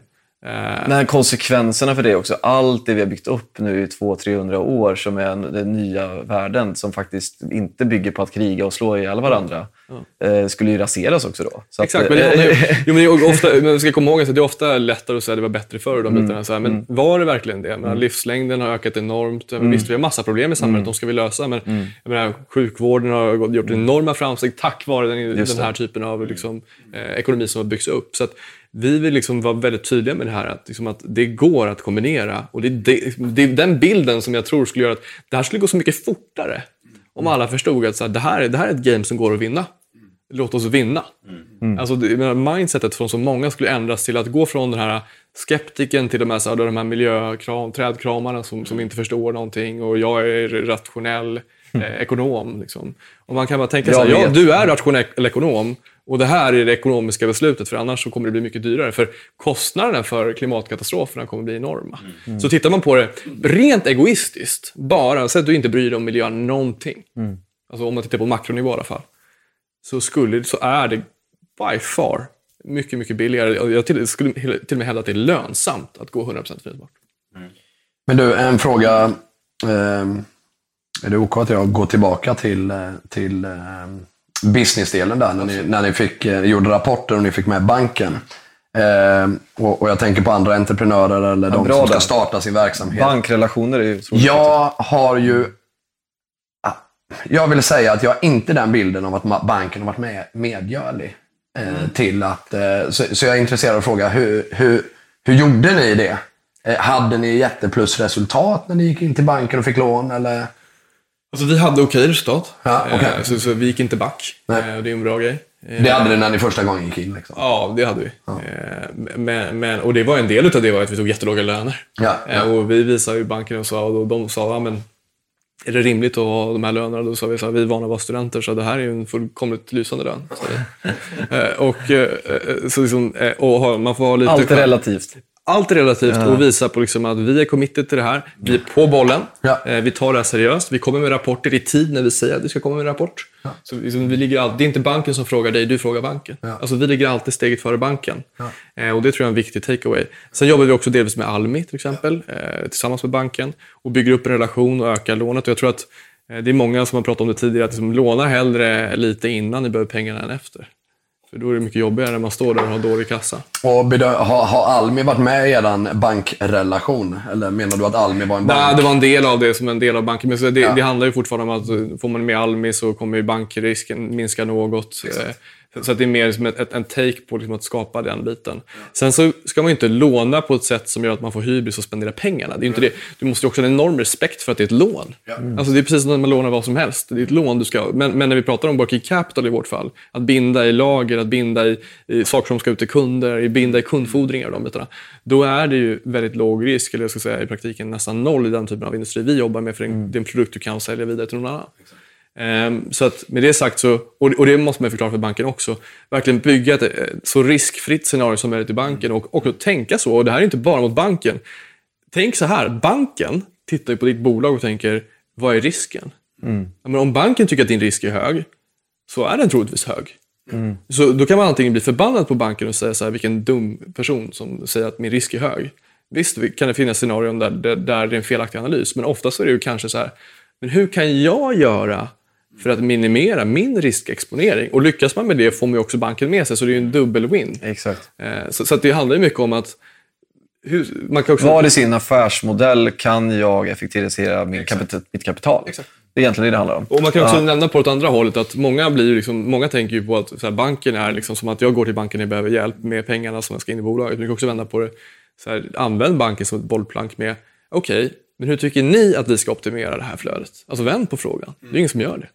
Alltså, så här, bara, liksom, hur, hur vill ni ha en dialog? med Ska vi jobba med olika typer av instrument? Ska man liksom belåna fakturor om det nu är det? det är liksom, jag säger inte att det är någonting som utav det här som är rätt. Jag säger bara kolla på vilka scenarier som finns. För vi- det, jag menar, det är olika verksamheter och olika förutsättningar.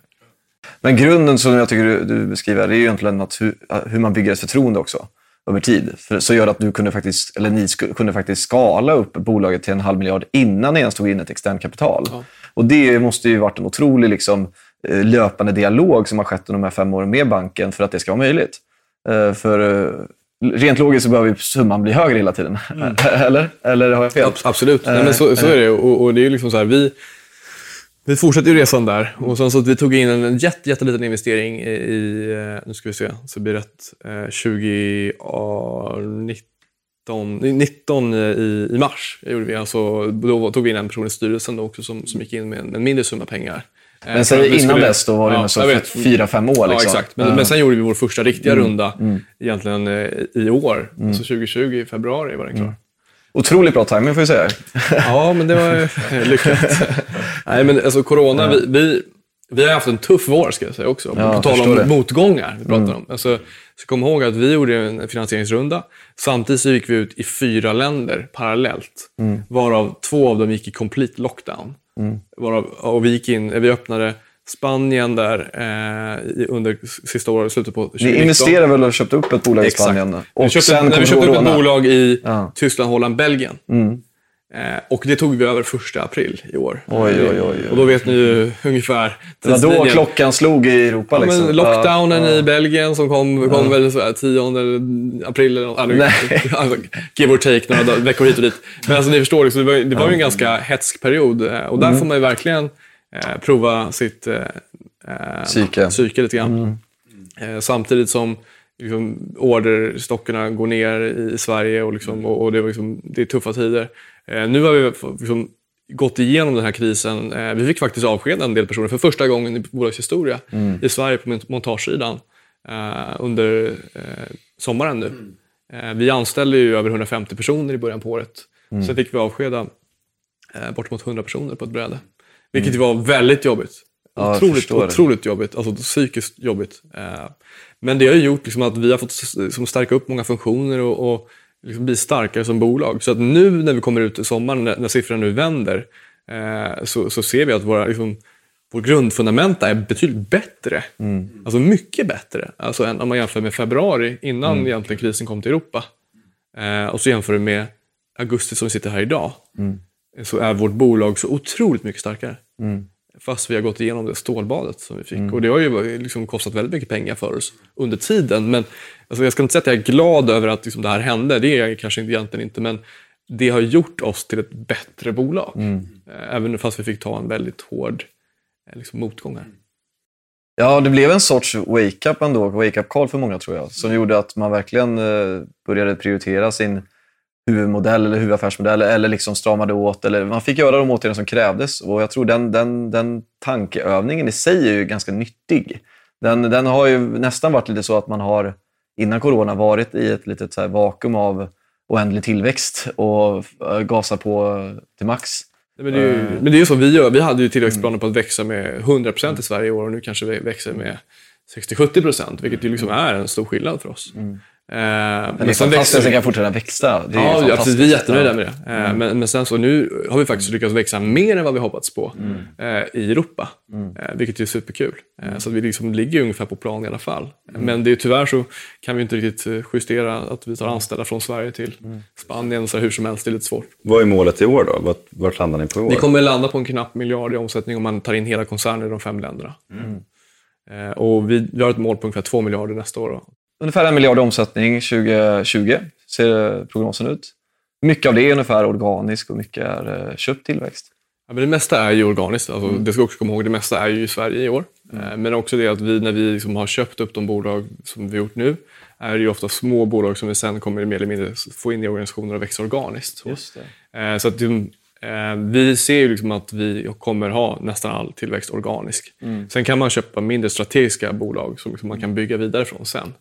Eh, för att få liksom ett litet försprång. Men det, det handlar ju om att nu är vi i en fas där vi egentligen bara ska rulla ut bolaget till, till fler länder och liksom bygga vidare på den plattform vi har. Och, och bli ledande i Europa inom det här segmentet, att ta hand om kunden och eh, liksom med lokalt energibehov. Eh, och sen sedermera gå ut vidare i världen. Mm.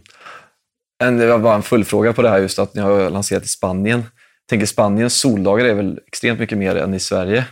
Eh, Måste inte det vara en riktig no-brainer att investera i solceller i Spanien? Eller, är det, eller hur ser du på det?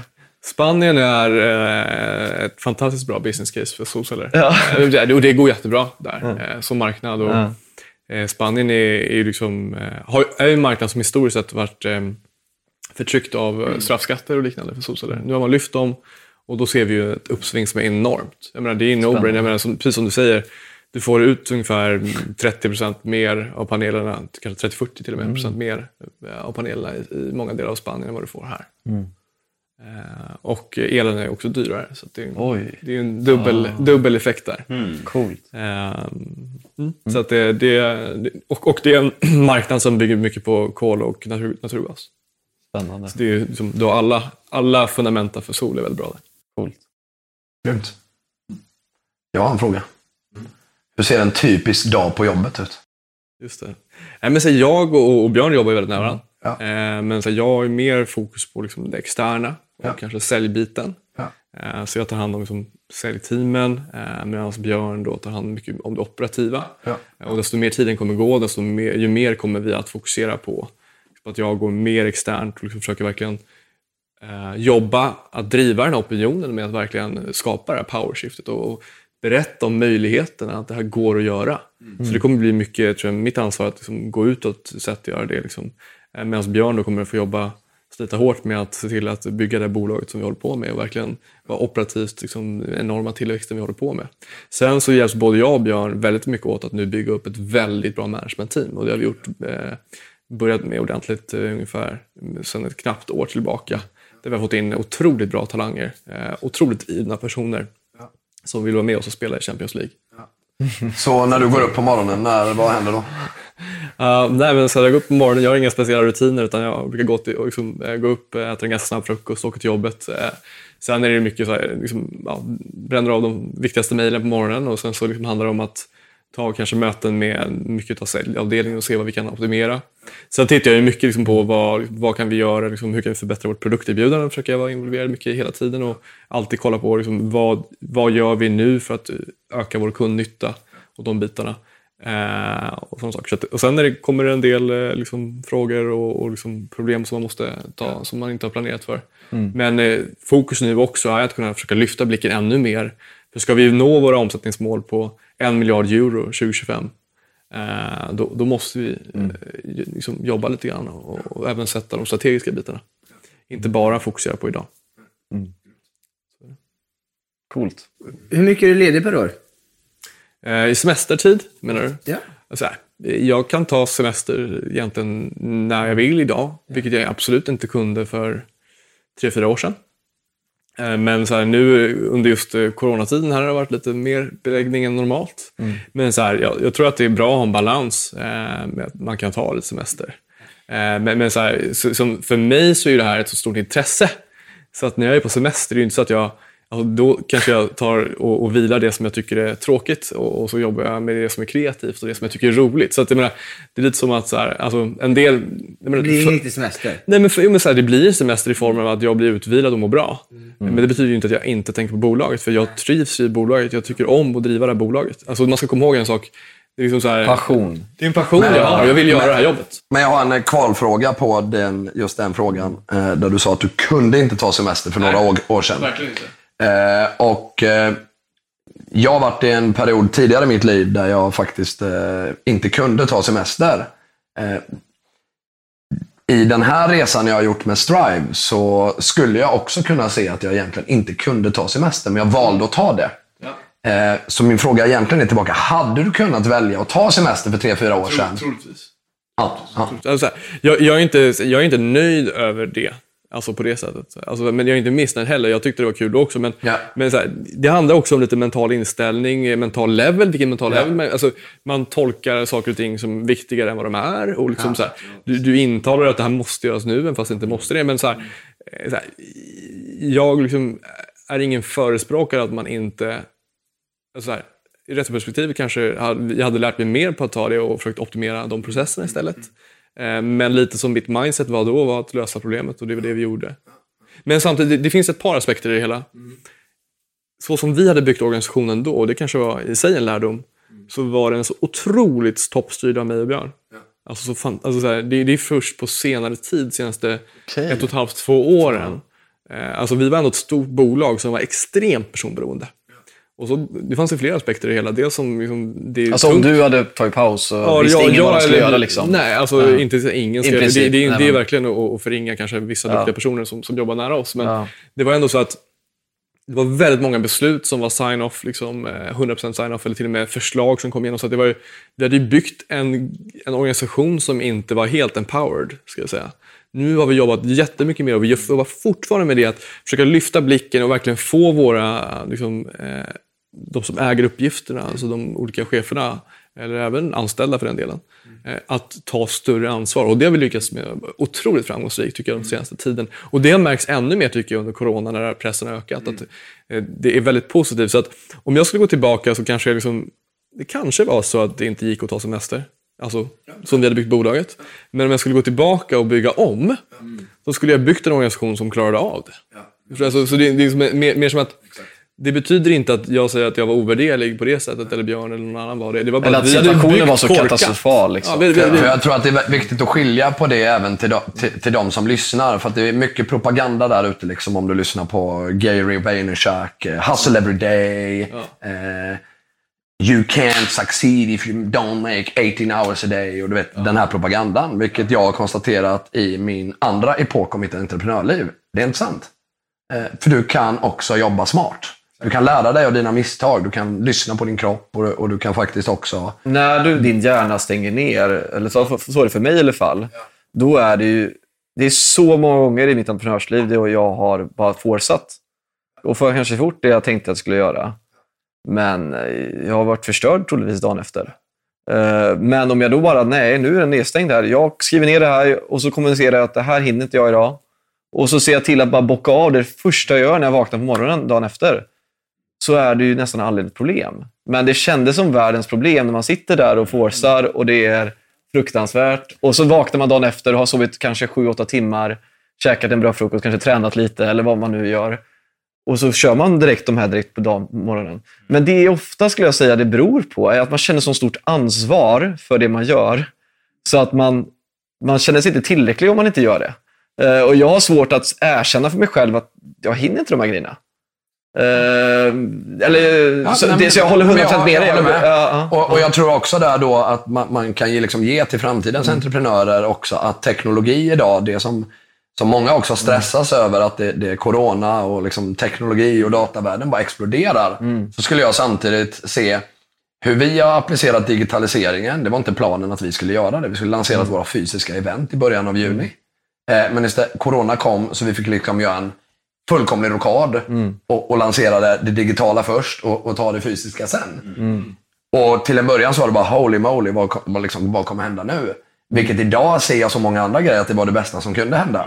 Men min take på det, det är att idag med digitaliseringen och även det som har gjort att vi tvingas bli mer digitaliserade. Det gör ju att du kan använda tekniken, alltså kraften i att kunna bygga system som jobbar för dig.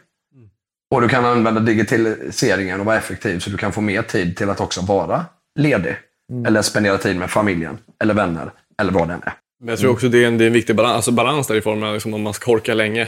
Eh, så måste man liksom inse att man har liksom sin tid är värd, liksom, både privat också. Ja. Eh, men så här, sen, sen är det med att även när man är ung och entusiastisk så är det klart att man kanske kan jobba några fler timmar. Och det är ju Definitivt. fine. Eh, men så här, och det som man ska komma ihåg, alltså, även om vårt bolag växer så har ju antalet timmar för mig och, och andra i bolaget, tror jag, eh, framförallt Björn också, eh, gått ner något. Menar, och, och till en balans som jag tycker är, är ganska bra. Eh, men, men det är mer att Sen är det klart det är perioder som man pushar hårdare. Ja, det är perioder man pushar mindre hårt. Men, men liksom grundfundamentet är liksom att... har man- Tävlingsperiod och lite mer chillperiod, precis som Champions League fungerar. Liksom. Ja, Eller? men, alltså, nej, men sen är det fortfarande liksom att när vi säger Champions League liksom, så är det att man ska Ja, leverera exakt. på topp. Ja. Eh, liksom, och det handlar ju om att- att mer, mer... I min värld är det mer av ett mindset. Just det. Eh, alltså så här, liksom så här, det är ungefär som att om du, om du är proffs eh, fotbollsspelare så blir du inte bättre för att du övertränar. Liksom. Alltså så här, du måste hitta den balansen. Och den är ju, det handlar ju om att däremot så pratar man om att när man levererar så, så går man in för det all in och man fokuserar på det och man ger järnet. Det är mer den typen av mindset snarare än att man så så här, ska bygga en kultur där det handlar om att den som stämplar ut senast på kontoret är bäst. Liksom. Det är inte det det handlar om. Det är den som levererar bäst värde som, som, som, som man vill hylla på ett bra sätt och ger kunden en, en, ett ökat värde och vidare. Och så vidare. Alltså det är ju, någonstans är ju i grund och botten så är ju vårt mål att, att skapa det bästa kundvärdet och så vi kan förfylla våra, liksom, vad vi vill göra med vår, vår vision och mission. Och bara så att, så att alla förstår, liksom som kollar. Vad är en vision och mission? Ja, men det är ju egentligen väldigt enkelt. Alltså, egentligen är ju vår, vår hela liksom, syftet med bolaget är ju att se till att få bort koldioxidbiten och att göra det här powerskiftet till ett 100% förnyelsebart samhälle. Eh, och, liksom som, och vi ska göra det genom att bli ledare i Europa och sedermera världen. När är ni där då? Ledare inom Europa, ska jag säga, ett och ett halvt år skulle jag tro. Eh, eh, världen, ja, det kommer att ta fem år. Just det. Och för ni är helt... Och, och lycka, aha, du tänker så här, när vi verkligen lyckas med målbilden. Så här, men, Precis. det, är- det- den, den kommer vi kunna påverka. Eh, Men det finns många andra faktorer beroende på hur bra är vi på att få in en koldioxidskatt som slår ganska hårt sådana saker. Eh, Men jag tror att det är rimligt att säga att eh, mellan om 20 år kommer vi kunna ha gjort merparten av jobbet eh, och resten av jobbet kanske vi löser på ytterligare 15 till 20 år. Så eh, jag skulle vara förvånad om vi hade nämnvärda koldioxidutsläpp eh, efter 2060. Jag, skulle, jag skulle bli grovt förvånad. Ehm, alltså så här, sen så kommer vi ha koldioxidutsläpp som är i ett kretslopp. Ja. Eh, Det, det, det, här måste man skilja på. Ibland så när man pratar om koldioxidutsläpp så man bort att vissa av dem är kretslopp och räknar in dem i samma kvot. Det är helt fel. Alltså nu pratar vi om från fossila bränslen, adderade koldioxidutsläpp, ne- ökad skövling av skog etc. Intressant. Ja, vi, vi, vi kallar ju de som tittar, eller de som söker för seekers eller born seekers. Och det, det vi pratar om där egentligen är just att du kanske känner att eh, du går runt i ditt liv och eh, söker efter någonting, eller någonting som kanske bubblar inom dig som du vill få utlopp av. Och ibland kanske man inte har fått det än i livet, eller så känner man att man gör en sak, kanske på hobbynivå, som man verkligen vill ta vidare, men vet inte hur. Och jag är intresserad om du kan känna igen i den delen lite, att du kanske hade passion för miljö och så vidare, men visste inte riktigt hur du skulle få utlopp av det. Eh, Var det så innan, eller hur? Ja, Men så här, lite som jag kan komma tillbaka till mig själv. Liksom, Vi pratade lite om det här förut också. Och det var ju liksom att eh, när jag var liksom runt sju år gammal så började jag liksom förstå världen och lite grann, i alla fall delar av den. Och liksom det här med liksom jorden och liksom resurser och de bitarna. Liksom att vi bränner ju någonting som liksom, ja, inte riktigt hållbart. Liksom, och så där. Det börjar man liksom förstå som barn. Det är ju ganska, egentligen är det väldigt simpelt. Menar, det, det, det, liksom, och då började jag rita liksom bilar som skulle drivas på vatten och de bitarna liksom man skulle liksom hälla vatten genom ett, en, en, en, ett vattenkraftverk i den här lilla bilen som skulle åka framåt och sådär. Kanske inte eh, helt hållbart. Var, jag brukade visa det för morfar som var ingenjör och sådär. Han var snäll nog att säga att det där kanske gick. eh, men men eh, med det sagt så liksom, det är, miljöintresset har alltid funnits där. Liksom, och kanske liksom någonstans lite av liksom en laddning i form av att liksom, jag också upplevde den här myten om att antingen går du förnyelsebart och gör, liksom, får, får göra avkall på allt du vill göra. Eller så liksom, eh, satsar du på ekonomin och gör det du vill göra. Eh, och att liksom någonstans så liksom, var det för jobbigt för mig att tänka på att det, det går ju inte att skilja på dem. Så jag får antingen välja väg och liksom, jag kan ju inte ensam välja eh, miljövägen i och med att alla andra väljer den vägen. Liksom, mot att liksom, göra det som alla gör. Så jag, jag förtryckte liksom, de känslorna på ett sätt liksom, inom mig och ja, började agera som alla andra liksom, och, och gjorde liksom, det, det som man blev tillsagd och, och liksom, tänkte inte mer på det. Men det fanns ett skav inom hela tiden. Och det var först när jag insåg att så här, det här är ingen trade-off. Och den kom ju någonstans där när man började inse att det här är på gång. Liksom. Det går att göra, få båda. Eh, och det var en enorm release för mig. Liksom, att bara, shit, så här, jag kan göra det jag vill. Jag kan jobba med något jag brinner för. Och jag kan, liksom, okej, men då finns det ju bara en sak. Liksom. Då blev min konklusion av det, okej, varför gör inte alla andra det här? Ja, men då, det är för att de inte förstått. Okej, vår vision och mission, liksom, att vi ska gå ut och bara göra det här. Och vi ska visa att det går och vi ska göra så fort som möjligt. Liksom, det blev liksom glasklart. Eh, och väldigt eh, kul att jobba med. Och det, jag är väldigt tacksam för att vi har en så uttalad vision och mission i bolaget och att den si- sitter rotad på ett personligt plan åt mig. För det gör att när man har motgångar så kan man liksom luta sig tillbaka på liksom att lite nästan som, som vila mot vision och visioner och tänka så här. Det är jobbigt nu men jag gör det för det här och jag vill ju det här. Eller hur? Man kan liksom konfirmera för sig själv liksom att jag ska inte ge upp. Liksom.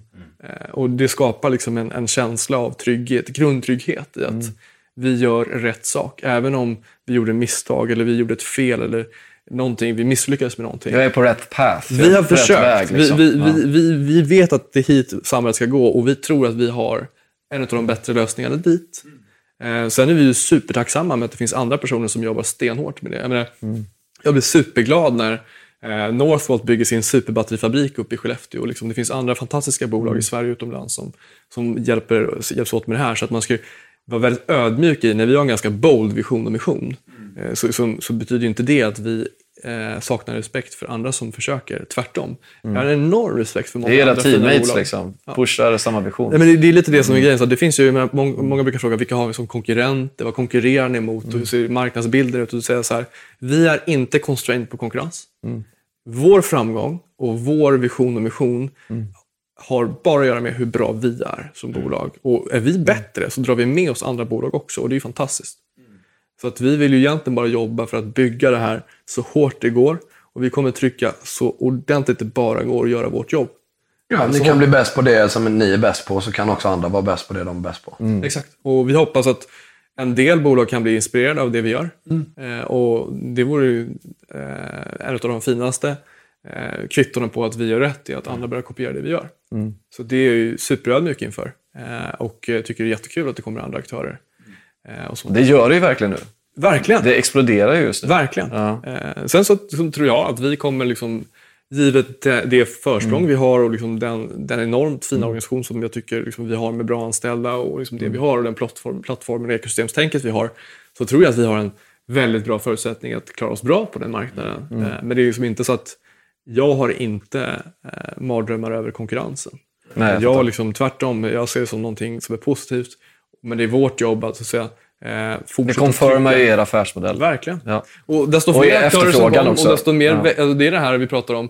Vad kan jag göra? Liksom, desto fler aktörer Mm. det finns och desto fler som köper elbilar och whatever, desto fler köper också solceller. Men det är väl klassikern det här att det är bättre att sätta upp, om man ska starta en mataffär så är det faktiskt det bästa du kan göra att starta en mataffär bredvid en annan mataffär. För att affärer eh, drar affärer liksom.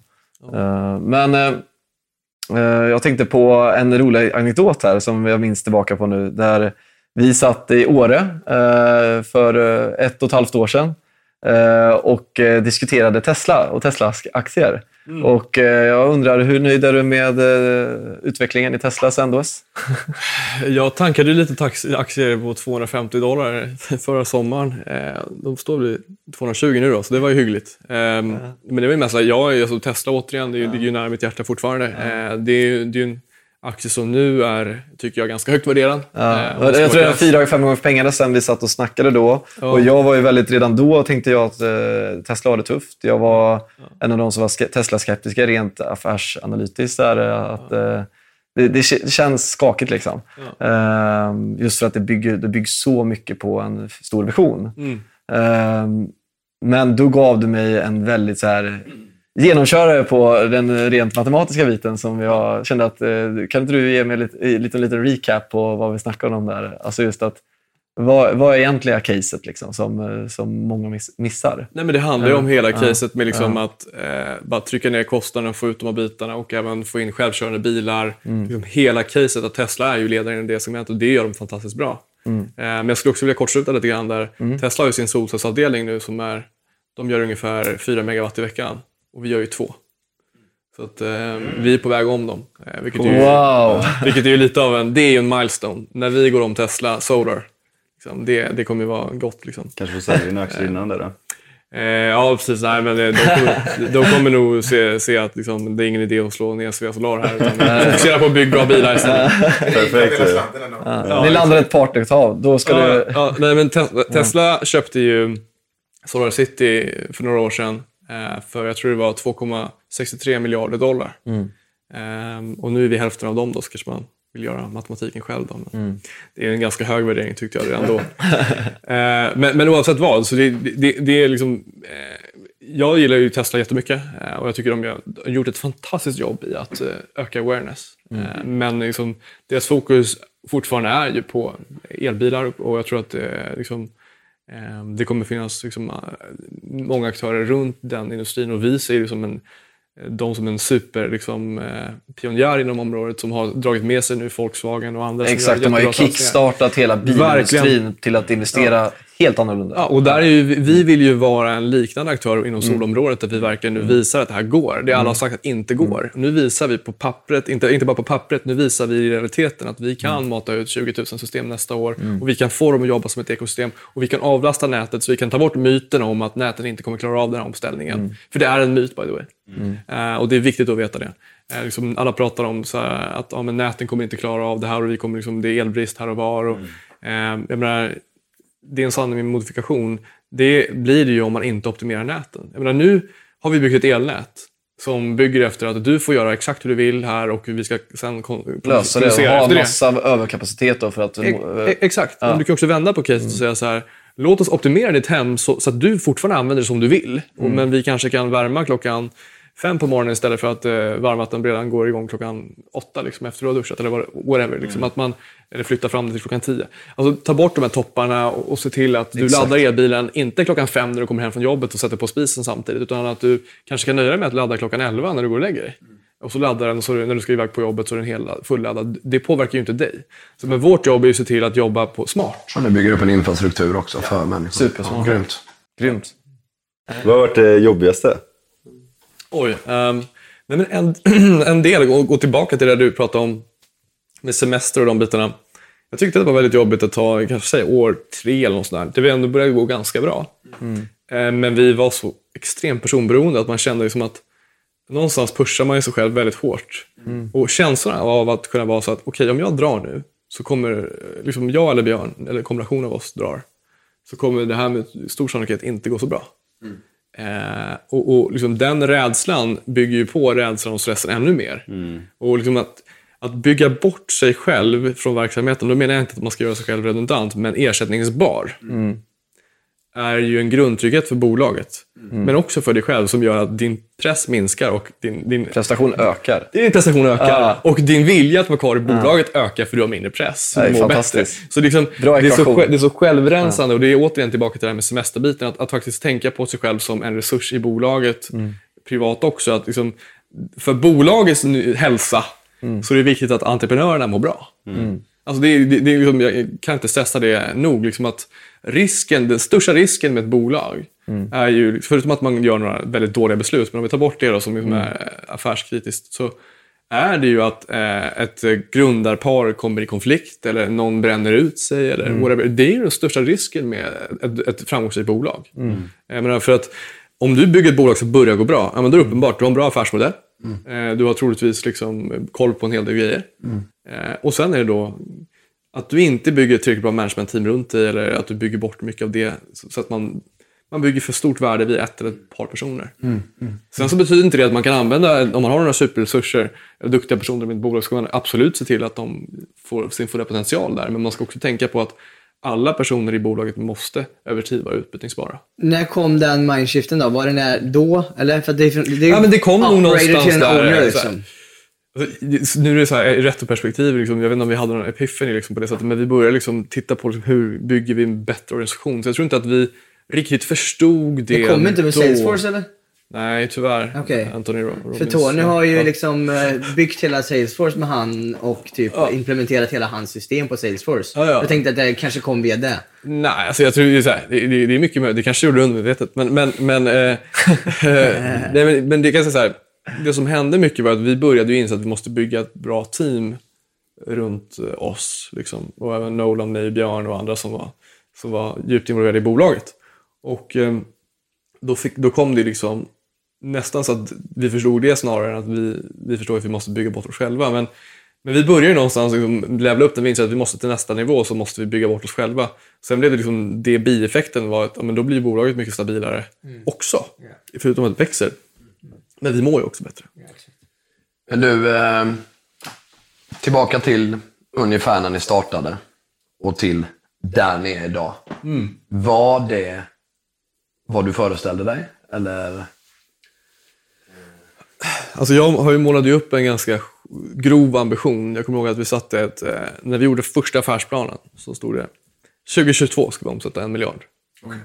Så att, eh, jag brukar alltid säga det att eh, eh, vi, nu, nu ligger vi två år före plan.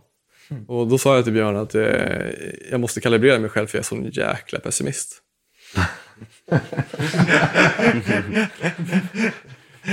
Bra insikt. Att, eh, Så att, jag brukar säga det, om jag säger någonting, om jag säger att det här kommer ta 10 år, då måste ni alltid tänka 20% off.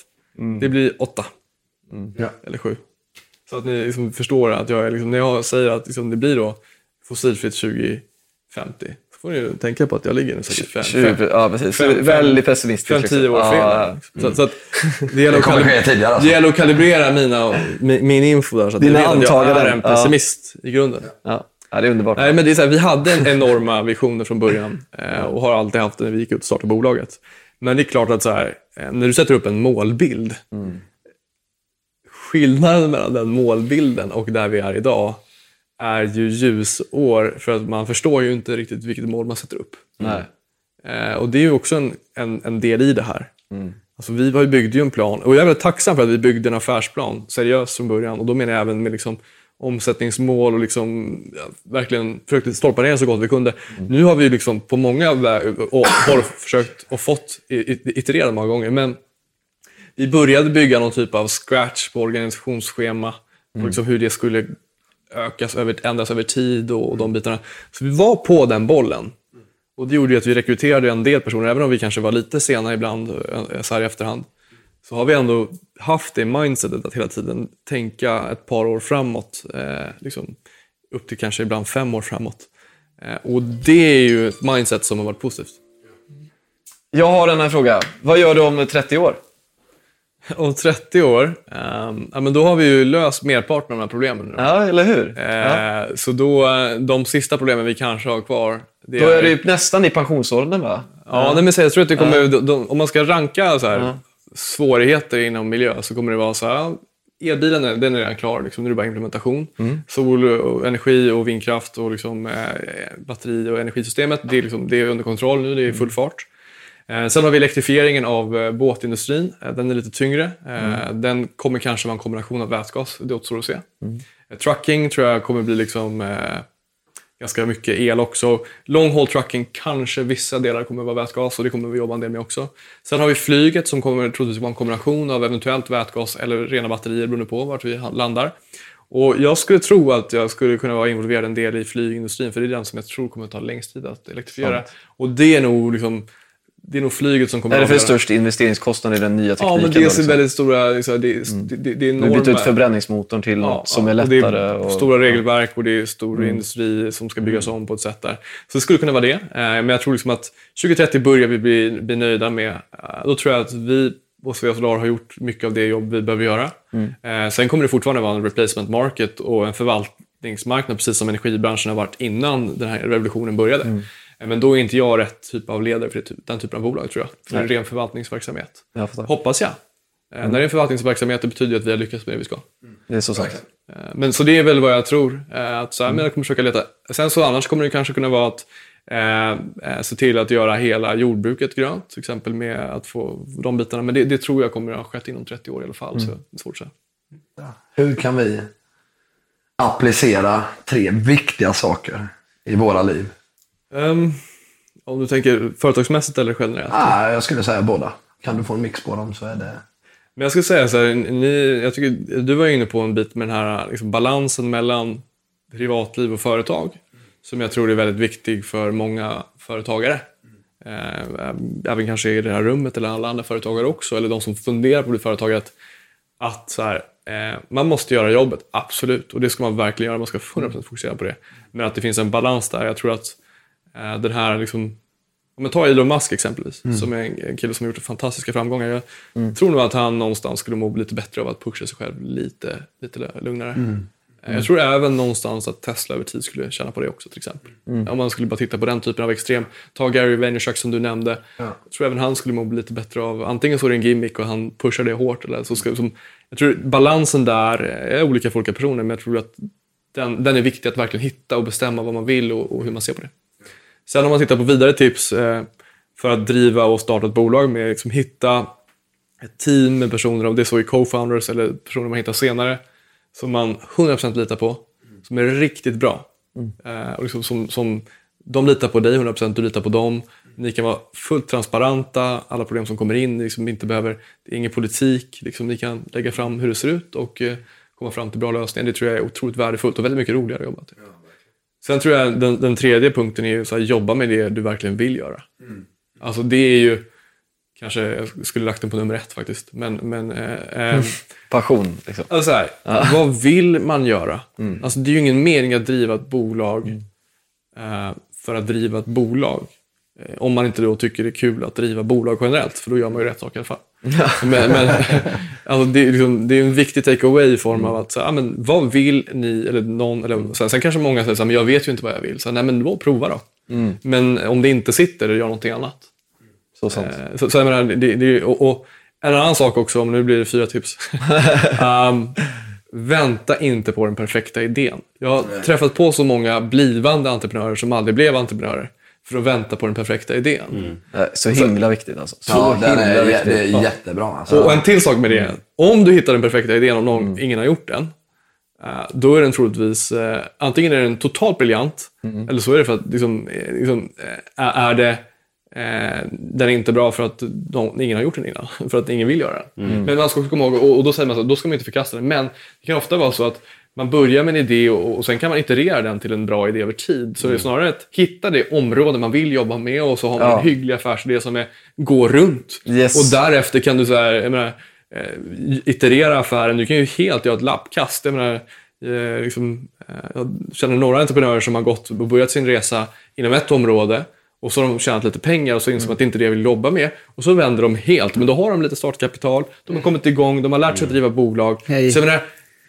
Ja, det är liksom, eh, för mig, det, är liksom, det måste inte sitta direkt. Men tänk på det. Finns den perfekta idén egentligen? Eller jag kan bara gå tillbaka till mig. Att det, det, det, alltså det, det börjar någonstans, men det har ju en förmåga av att se väldigt annorlunda ut. Men senare. den, den perfekta idén i min mening, det är ju att konvertera solljus till el. Normally, being a little extra might be a bit much, but not when it comes to healthcare. That's why United Healthcare's Health Protector Guard fixed indemnity insurance plans, underwritten by Golden Rule Insurance Company, supplement your primary plan so you manage out of pocket costs. Learn more at uh1.com. Mom deserves the best, and there's no better place to shop for Mother's Day than Whole Foods Market. They're your destination for unbeatable savings, from premium gifts to show-stopping flowers and irresistible desserts. Start by saving 33% with Prime on all body care and candles. Then get a 15-stem bunch of tulips for just $9.99 each with Prime. Round out Mom's menu with festive rosé, irresistible berry chantilly cake, and more special treats. Come celebrate Mother's Day at Whole Foods Market. When you make decisions for your company, you look for the no brainers. And if you have a lot of mailing to do, Stamps.com is the ultimate no brainer. It streamlines your processes to make your business more efficient, which makes you less busy. Mail checks, invoices, legal documents, and everything you need to keep your business running with Stamps.com. Seamlessly connect with every major marketplace and shopping cart. Schedule package pickups and see your cheapest and fastest shipping options from different carriers with rates up to 89% off USPS and UPS rates. And with the Stamps.com mobile app, you can take care of mailing and shipping wherever you are. Make the same no-brainer decision as over 1 million other businesses with Stamps.com. Sign up with Code PROGRAM for a four-week trial, plus free postage and a free digital scale. No long-term commitments or contracts. That's Stamps.com. Code PROGRAM.